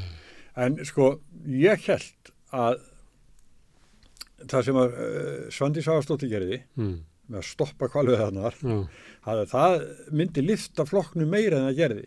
Það er ekkert að marka það, sko, vanalega að þetta var maskinugunum síðast. Já. Þá taka þeir yfirleitt svona viku, Já. en í þessu þá var þetta alveg heil mánuður, ég kannaði það nefnilega. Ah. Af því að það er ekki hægt að að lesa neina svona sveiflur á milli dag út af þessari konun og svo fáum við líklega hérna gallup núna um helgina eða Já. og það er líka tekið við svona heila mánu þannig að það er engin að taka svona kannanir frá degi til dags. Nei, svona snerti kannanir, eins og, við sem er gerum svo sem er alltaf skemmtilegast sko. Því að þá, þá getur þú mælt svona eða þú fengið eitthvað svona tilfinningu fyrir hvað svona mál ein og sér að- hvað árið þau hafa Já, já. hmm.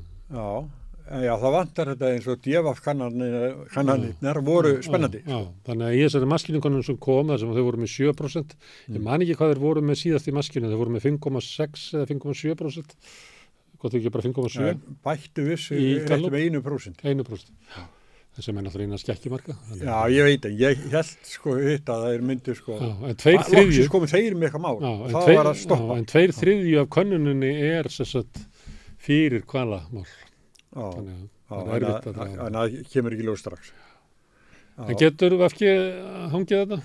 Eru þau ekki bara að reyna, hvað myndum að segja, ríða átömmina? Bara vona að, að, að þau einhvern veginn haldist þannig inn í ríkistjótt því að þau hafa enga góða kosti. Nei. Annarkot að henda hérna, íhalsflokkanir þeim út og taka einhvern íhalsflokk inn Mm. e eða að það fari kostninga sem eru mjög erfitt fyrir þau. Já, já. Þau eru mjög illa stödd núna. Þau eru mjög illa stödd, en samt er þetta núna að, að hérna, stoppa kvalveðina. Þar er vafki sko, stendur upp úr stólnum og, og það er eiginlega eina svona stóra máli sem þau Þau getur ekki farið í kostningar með hérna, kjósum kvali, VFG. Nei, Það Nei, þeir sína þarna loksins sko, smá bein í nefnu, þetta er ekki bara brjós, sko. Þá verður að setja bara svandis í, í, í fórstuna. Já, ef að hinn fer að þá Svandís, Með hvað erindi geti Katrín Jakobsdóttir farið í næstu kostningar? ég veit ekki. Nei. Nei, ég veit ekki. Mm. Svo er annað sem að Það skiptir ykkur stjórnar. Ég, ég, Það var síðast. Ég, ég las í morgun líka að, að Guðmundur Ingi Guðbararsson, mm. varaforma vinstri græna, hann er að slípa til að vilja sjálfstæðismanna aukna valdheimir til ríkisáttasemira. Já, hann vill ekki leipa því í gegn. Nei, hann segir núna sko að, að það veri vinna hafið við það aftur sko. Já, en það er ekki, að því að mokkin er náttúrulega áruðsblad. Já. Ef maður les bara nákvæmlega það sem hann segir, þá segir hann að, að verkefnisreifingin hafi staðið á mótu þessu. Þetta var náttúrulega samþýtt í ríkistjótt, sko, þannig að VFG, ég veit ekki hvernig fóru að því að samþýtt í ríkistjótt. Nei. Síðan hérna er verkefnisreifingin mjög á mótu þessu. Þannig hann ákveðu það að búa til samráðsnefnd, til þess að búa til samkomlega. Það sé ekki að þetta mál í gegn í ósátt við hérna, aðeilafinumarkarins og það verið vonandi tilbúið í haust. Þá svona, getur mann að ímynda sér að koma út úr því eitthvað sem verkefnisreifingi getur sett sér við sem er bara í enga breytingar. Því að þetta snýst náttúrulega bara um samningsrétt og já. Þannig að verkefnisreifingi getur ekki afsalað sér því. Það getur bara, er Já, já. Og þegar hann kemur fram með það, þá náttúrulega kvín í sjálfstæðarflóknum. Því að þeir vilja, þeir eru bara á sama, ég meina, íhaldsflokkurinn breskir að reyna að berja niður, þeir eru að setja lög sem eiginlega stoppa verkvöld. Þannig að, að sjálfstæðarflokkurinn er bara þar, sko. Já, veit það. Já, Þó svo að hafi verið í meir en kannski öld í okkar heimsluta uh, borin sem sagt, virðing fyrir því að verkaliðurinn verður að fá að geta sótt fram betri kjör með verkvöldum. Að þá er sjálfstæðarflokkurinn ekkert að því. Hún er fyrir svona síðustu hundra ár mistök að þessu leiti. Það hefði verið miklu betra bara verkaliðurinn væri bara haldið já, já. Það hefði komið betra samfélag út af því. Já, en, en samt er þetta á borðinu hans sko, hann er ekkert búin að eh, loka á þetta, hann er með þetta á borðinu, hann er varaformað vinstri græn og ég sé, það sem ég var að hugsa sko, það eigur ekki sko fylgi vinstri græna að varaformaðurinn sé að möndleika á sjálfstæðisflokkinum að, að, að, að hérna, au, auka heimildir ríkistöldasömmina, ég held að. Mér finnst líka bara æfintir að þau skilta að samtitt þetta. Já. Þú veist, í einhverjum hita leiksins í, þegar var verið að hérna, deilan var þarna milli ríkisáttasemera og eblingar. Mm. Að þá samþykja þau bara í ríkistjórn að að, að auka völd ríkisáttasemera. Og það sem að mér fannst er þetta æfintilegt á að ég heyrði ekki betur en bara meiri luti þingum sem er að taka undir þetta. Já. Ég bara, þetta, ó, þetta var ótrúlega, það var margt sem svo skrítið sem gerði sér vetur og eitt af Já. þessu var þetta. Að það var bara eins og væri meiri luti inn á þingi fyrir því að taka verkvælsréttin af launafólki. Já, já. Já, já, og líka eh, reyna eins og mögulega geta að það sé ekki sko skildu aðild að, að verkefliðsfélögum. Já, það er sjálfstaflokkurinn. Já. Þannig að leggja það fram. Þetta er það sem þau vilja, leggja það. að Dilja og Ólibjörn, þetta er það sem þið er skemmtilegast að tala um á þingi. Já. Það er einn stórkoslu eiðilegging sem verkefliðsreifingin hefur valdið á samfélaginu. Já. Já. Seg, þeir segja það nú alltaf. Nei, það liggur, þau eru að halda því Það er fram. að lesa út úr því sem þeir segja. en ef maður skoða söguna síðan hundra ára þá segir maður eiginlega að allt sem er einhvers virði Já. í samfélaginu hefur verið náðst fram með baráttu. En þau eru alltaf að segja að þú veist, við verðum að nútröðlisera þetta í samfélaginu. Þannig að verði ekki þessi, þessi röskun á okkar vilja. Já, Herðu, Já. svo er það týndiflokkurinn, týndabarnið, Já. millibarnið, framsókn. Skilnaðbarnið. Já, framsókn. Já. Hvað? Það var hérna sko myndaðin þremur sko, eitthvað svona, eh, öll svona dökk á svipinn sko. Og þá, þá var eitthvað sem sagði þarna er sagt, hjóni sem er að skilja og, Sigur Ingi væri skilnaðabarnið sko, horfir á þau. Hvernig hann á að akta þetta sko. Já. En það, hann er, hérna, við hafa konnu núna, í, Já. og þá er það þannig að frá kostningum, að þá hefur hérna, sjálfstæðsflokkurinn mist fjórðungina fylgi sínu, Já. Eh, VFG hefur mist 250 fylgi sínu, Mm. en framsvonarflokkurinn hefur mist helmingina fylgi sínu. Já. Og það er... Það er ekki góð staða. Nei. Nei, ég hef alltaf verið þeirri að trúar að, að Sigur Ingi sé svona frekka veiku formaður. Já. En það er enginn sem gerir sko fyrir á mótónum, eitthvað vegna. Það ég mjög held það sko að hann sé svona uh, minnsti maðurinn að þessum þremur. Hann leggji minnst til og, og berjist minnst. Og hérna, það var það sem er harðkjarni sjálfstæðsflokksins sagði alltaf um Geir Horde, þetta var Mm. svo íllumenn sko, af því að hann náttúrulega stóðst ekki samanbörðu mistar af Davíð Oddsson Aha. og þá sögður um að hann væri of hrættur til að berjast og feitur til að flýja. Þetta var, já, já. þetta var alltaf sagt um Geir Horde. Smekklegt eitthvað. Já. Þau eru grimmir. Já, já.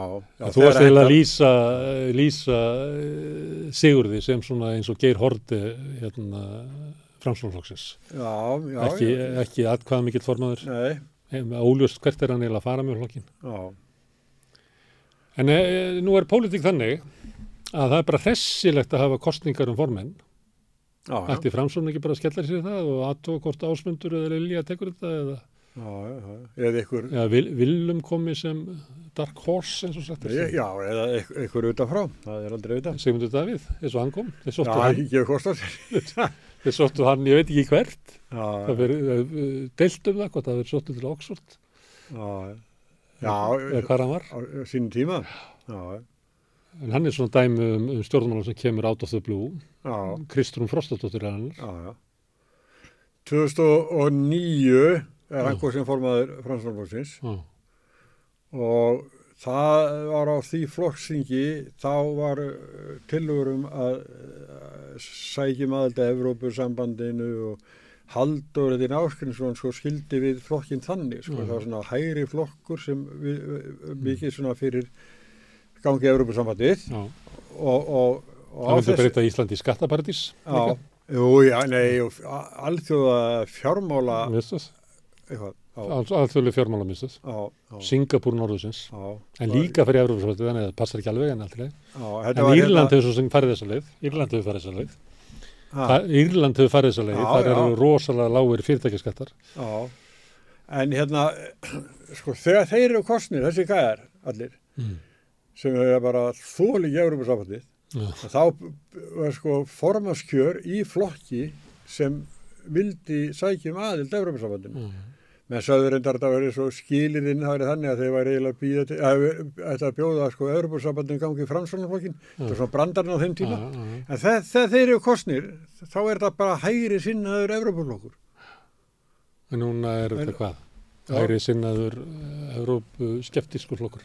Ég tækifæris bara eitthvað, eins og bara oft hefur verið sagt um Fransson. Mér finnst það einhvern veginn sko, hann fara að kynna einhverja samgöngu áallanir og húsnæðis áallanir og hann, ég hef hann grunlega verið alltaf með sömu gröfin sko, skignunar.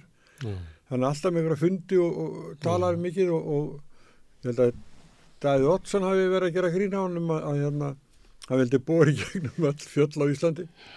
Það er svona stórtækur eitthvað sko, svo Já, já. vítum alveg að þetta er bara áætlun sko. Já. Þetta, Og hinum meginn svo er, er kannski Bjarni Ben að halda annan fund þar sem hann er að tala um sko fjármála áallanir og fleira þar sem ekkert af þessu dóti sem að Sigur. Ingi ætlar að gera er með. nei, nei, nei, nei. Þannig að hvor heldur að ráði á hendanum. Ég held að þetta sé hvort tvekja bara kynningar sko. Að, að eins og hérna, fjármála áallunin hún eftir að breyta sko. Þau að mísrekna tekjurna til dæmis að, að túrismannum í nokkur ár sko. Já. Þeim aldrei verið nálægt sko. Er það ekki rétt munið að mér? Þeir alltaf sko, að tekjurna verða alltaf meiri. þetta er náttúrulega verðbólga og, og hérna hagvöxtur Já. og þá þennst út hérna tekjuhliðin en hitt er samþygt bara einu svona ári útgjöldin Já, já. og það er miklu meiri þrýstingur á að halda það niðri þannig að það kemur svona skammur tími þar sem að lítur út fyrir þessi betri afkoma ríkisjóðs en er það raun ekki? Því að hérna megin þá þarf að bæta fyrir sko stopnaninnar og, og verkefnin sem ríkið er með. Þurfa að fá bætu fyrir aukin kostnað í verðbólgunni. Þó svo Já. hafi verið ákveðið að hafa þetta svona þegar það var reiknað með 5,4% verðbólgu. Svo er hún hérna 10% ekki mikið að tekjum hérna inn. Reynd að halda þessu niðri. En að endan springur þetta í þau sko. Já. ekki nema alltaf bara að fara að berja niður og vera þjónustu sko sem að kannski er stefnan Já, það er, ykkur stað væri það kannski hægt en víða er, er bara uh, hérna nöðsileg opið fyrir þjónusta bara ekki nógu vel fjármögnuð eins og sjúkurahósinu, heilsugjastlunar og það saman. ég held að finni orðið allir fyrir þessu Já, já, það bara er lakari þjónusta já, já. eiginlega hvert sem auga Já. hvert sem auga Það er við, við erum að tala um framsókn og ég sagði á þann að hérna, sjálfstæðarflokkur væri með svona derring í kvalamálinu. Mm. Vaf gerir ekki með neitt derring eða neinu. Það er bara þau gerðu þetta með kvalamálinu en þau er ekki með neitt derring. Hins vegar í Íslandsbankamálinu þá voru það þeir ráðherra sem að töluðu sko harðast gegn Íslandsbanka voru hérna, Sigurður Ingi, Ha, voru Sigurður Ingi og Lilja. Já, Hvað er framsóknarflokkur að gera með þessu? ég veit ekki sko, náttúrulega, sko, ég vil segja meira margt takkandi á Lilju sko, bara svona vegna bara mentunar og annað sko. Mm. og er þau ekki bara veist, fara í, í liðið sem að villit ekki, sem ofbýður og, og skera sér þá svolítið svona frá sjálfstæðarhónum. Það er svolítið skrítið að vera í ríkistjórn en akta eins og maður sé í stjórnarnarstöðu. eins og maður sé, Í stjórnarnarstöðu? já, já, já, já, Mm. þetta er svolítið þannig. Mm. Það er svona, ég ekki, ég sko náttúrulega fer ekki með þetta slagur sitt aftur í kostningar.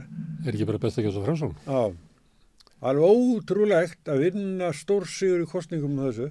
Þetta er eh, hljómar vel sko en, en Trump allar aftur og þá var verið að tala um, hérna, getur þú farið aftur með slagurði hérna, Make America Great Again? Nei, já, já. Já. Og þeir hafa- þeir sagt, já, já, já, við getum gert það, það er Make America, America Great Again, again. Þannig að þeir getur farið með, er ekki bara best að kjósa framsókn aftur, það getur verið, Já, já.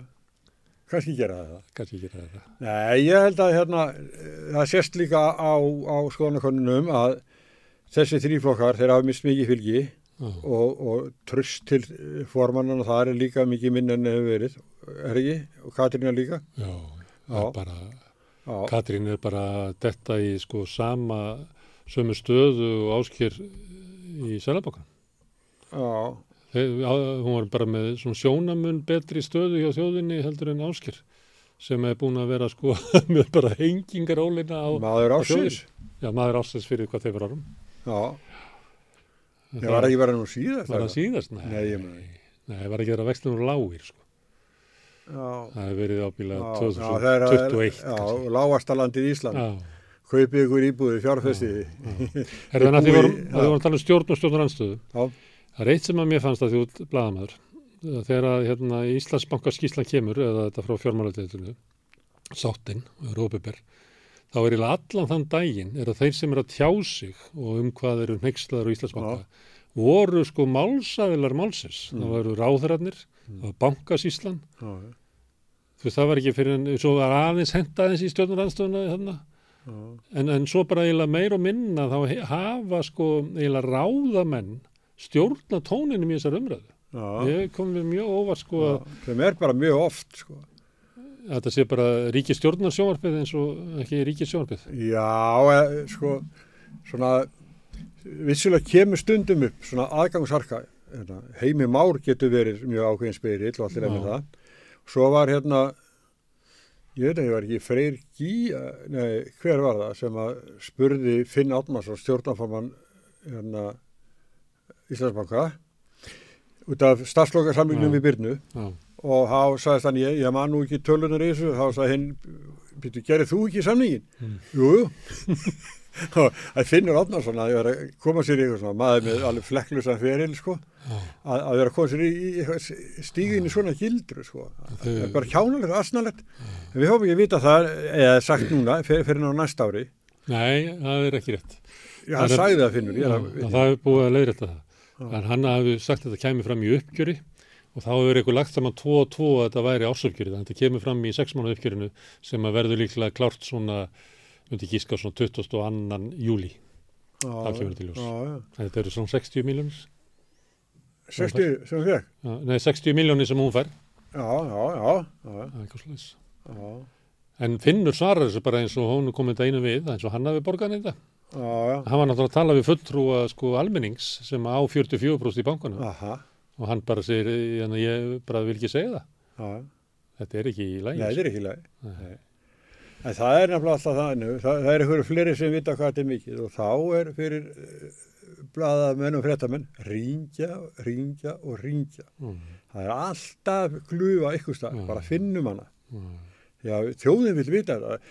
Ég las í, í ég beði þetta þér hérna á þann, að þá, þá hérna uh, að lesa Ragnar Þór er að tala um að Vaffer fyrir liti miljardar út úr uh, Íslandsbanka.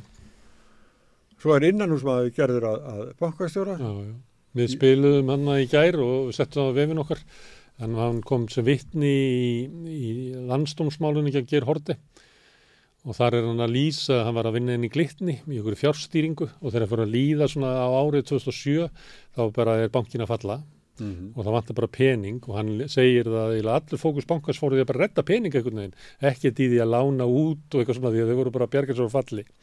Og það sem að þeir komast að því að sé snjált að gera með ráðleikingu frá Líman bróðurs mm. bræðurum hérna að það er að taka hluta af lánarsafninu sem mögulega getur selta eins og bankar gera það stundum mm. eins og verður þessi bankakreppinu núna í vetur þá eru dæmi um að bankar hafa bara selt frá sér lánarsafn en það var, var ekki til að kaupa þetta var algjör hrakvirði þannig að lustum að svo að taka þetta drasl pakkaði einhvern veginn saman og búið til félag um það sem að hétt eitthvað hof og holl og holmi og eitthvað svona. Mm. Svo þetta félag gefur út skuldabref sem að bankið kaupir og bankið fer með þetta skuldabref í Európska hérna, og bankastjóri í Íslandsbanka sem var ráði núna til þess að vegna þess að það var svo mikil spillingan inni og, og almenningi óböðu þetta svona, hann er bara inni í, í hérna, landstómi að lýsa einhvern veginn Já, það er eiginlega bara, þetta er bara bankar á hann. Það er bara að vera að taka verðlösa regnir, gera eitthvað hú með það, koma svo með eitthvað og taka það bara út úr európska selabakkarinn, sko. Bara tróða alla vasa. Til að lifa nokkra dagi viðbútt. Og þetta, hérna, þetta er náttúrulega dæmi um það að auðvitað breytist ekki á Íslandi. Ásker Jónsson er fyrirverandi, sko, stað, hérna, hann var í kaupþing og, og þvælan sem að rann bara hún þar, sko. Þannig ég veit ekki hvað hvernig þjóðinni dettur að huga að allt breytist við ekkert breytist. Já, já. Það er já.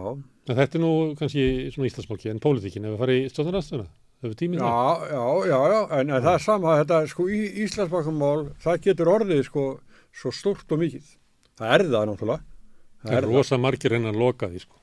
Já, það, já, en það er sko fókusin verður að fara á björna hann má ekkert bara sko láta ykkur að hafa umbót til að gera þetta og, og, og skipta sér ekkert að því, sko. það er bara ekki mikið til greina. Það eru margir en að loka málum til því frá sjöstarsmannum. Það er líka margir en að loka þessu vegna þess að fjármála eftir þetta á eftir að byrta skýslu um hýna söluðalegna og ég held Já. að vitið allir að þess alveg sama drullumakri í þar sko. Veist, Íslenskt fjármálakerfi er bara gerspilt og það er enginn sem hefur kontroll sem máli sem hefur með einhverja lausnir á því einhvern áhuga að breyta því mm. þannig að það er mikil vilji á því að kæfi þetta mál bara. Já, það er að fyr, rétt fyrir hrun þá var maður sem að það voru sama samtímis í, í líkansrætt mm. og ef ég var á hlaupabrettinu eitthvað þá kom hann stundum og sagði að það setja sama við mig. Mm. Það sem ég vinn Sigur Jón, það skiptir kostnæðurinn ekki máli. Hvernig endar þetta? Þá voru þeir að sækja eitthvað sko. Og þá var bara kostnari skipti bara ekki máli sko. mm. Já, og það bara var hugaferðið, sko. Herðu, já, stjórnar anstöðuna, hvað er þetta að byrja? Ég hef ekki að byrja á samfélgíkunni sem að er náttúrulega frekar erfitt að tala um samfélgíkuna því að þau passa svo mikið á að tala bara ekki um pólitík sko. Það er eins og þau ætla að handa, halda niður í sér andanum. Já. Ég vonum að þau haldi þessu fylgi alveg fram á kostingum. Já. Ég ætla að vitni Þorstein Pálsson, hann segði sinni við mig, er ég var eitthvað að tala um svona að sjálfstæðisflokkurinn blanda sér ekki í, í þetta mál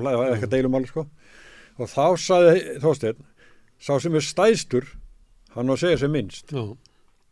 Og þess láta hín að berjast. Já.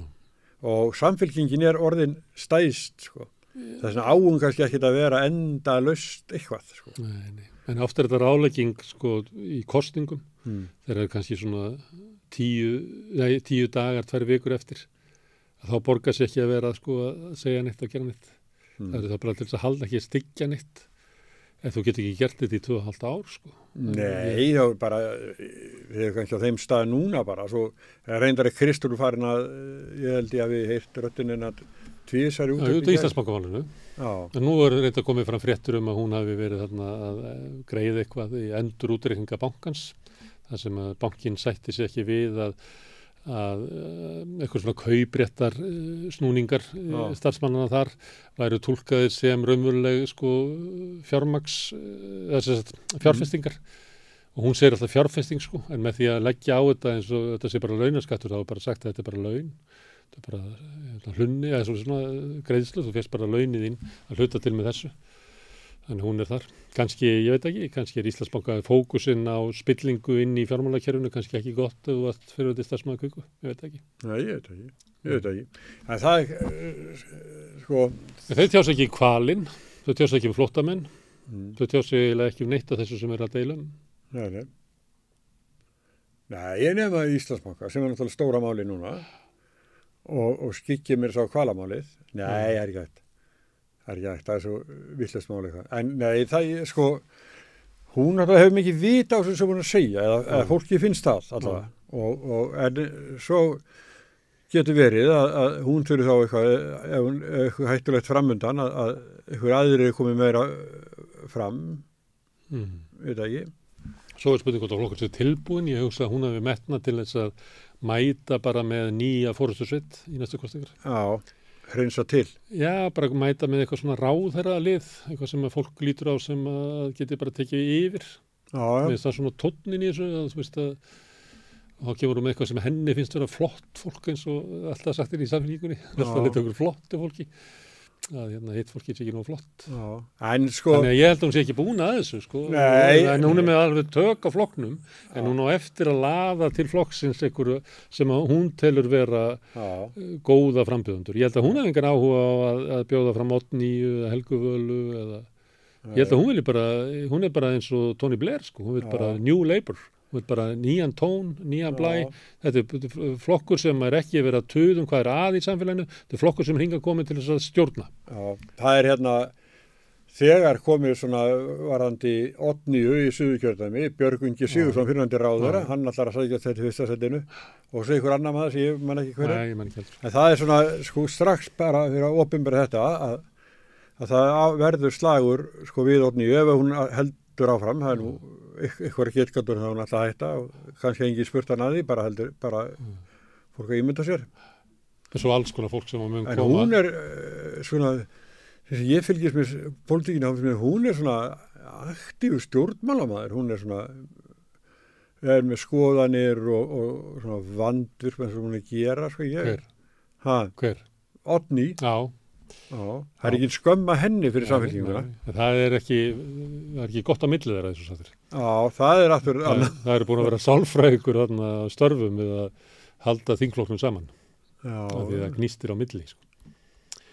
Já. það, það er náttúrulega þegar kemur eitthvað svona uh, out of the blue inn í flokkin eins og Sigmundur Davíð Já, já. að þá það er oft sem að það veldur svona þú veist Já, já. Já, það er, Já, svo er það kannski eitthvað svona klíkumynd, en það byrjar strax sko að eh, Helga Vala er setta afsend þingforsformaður og, og Logi fær það sko.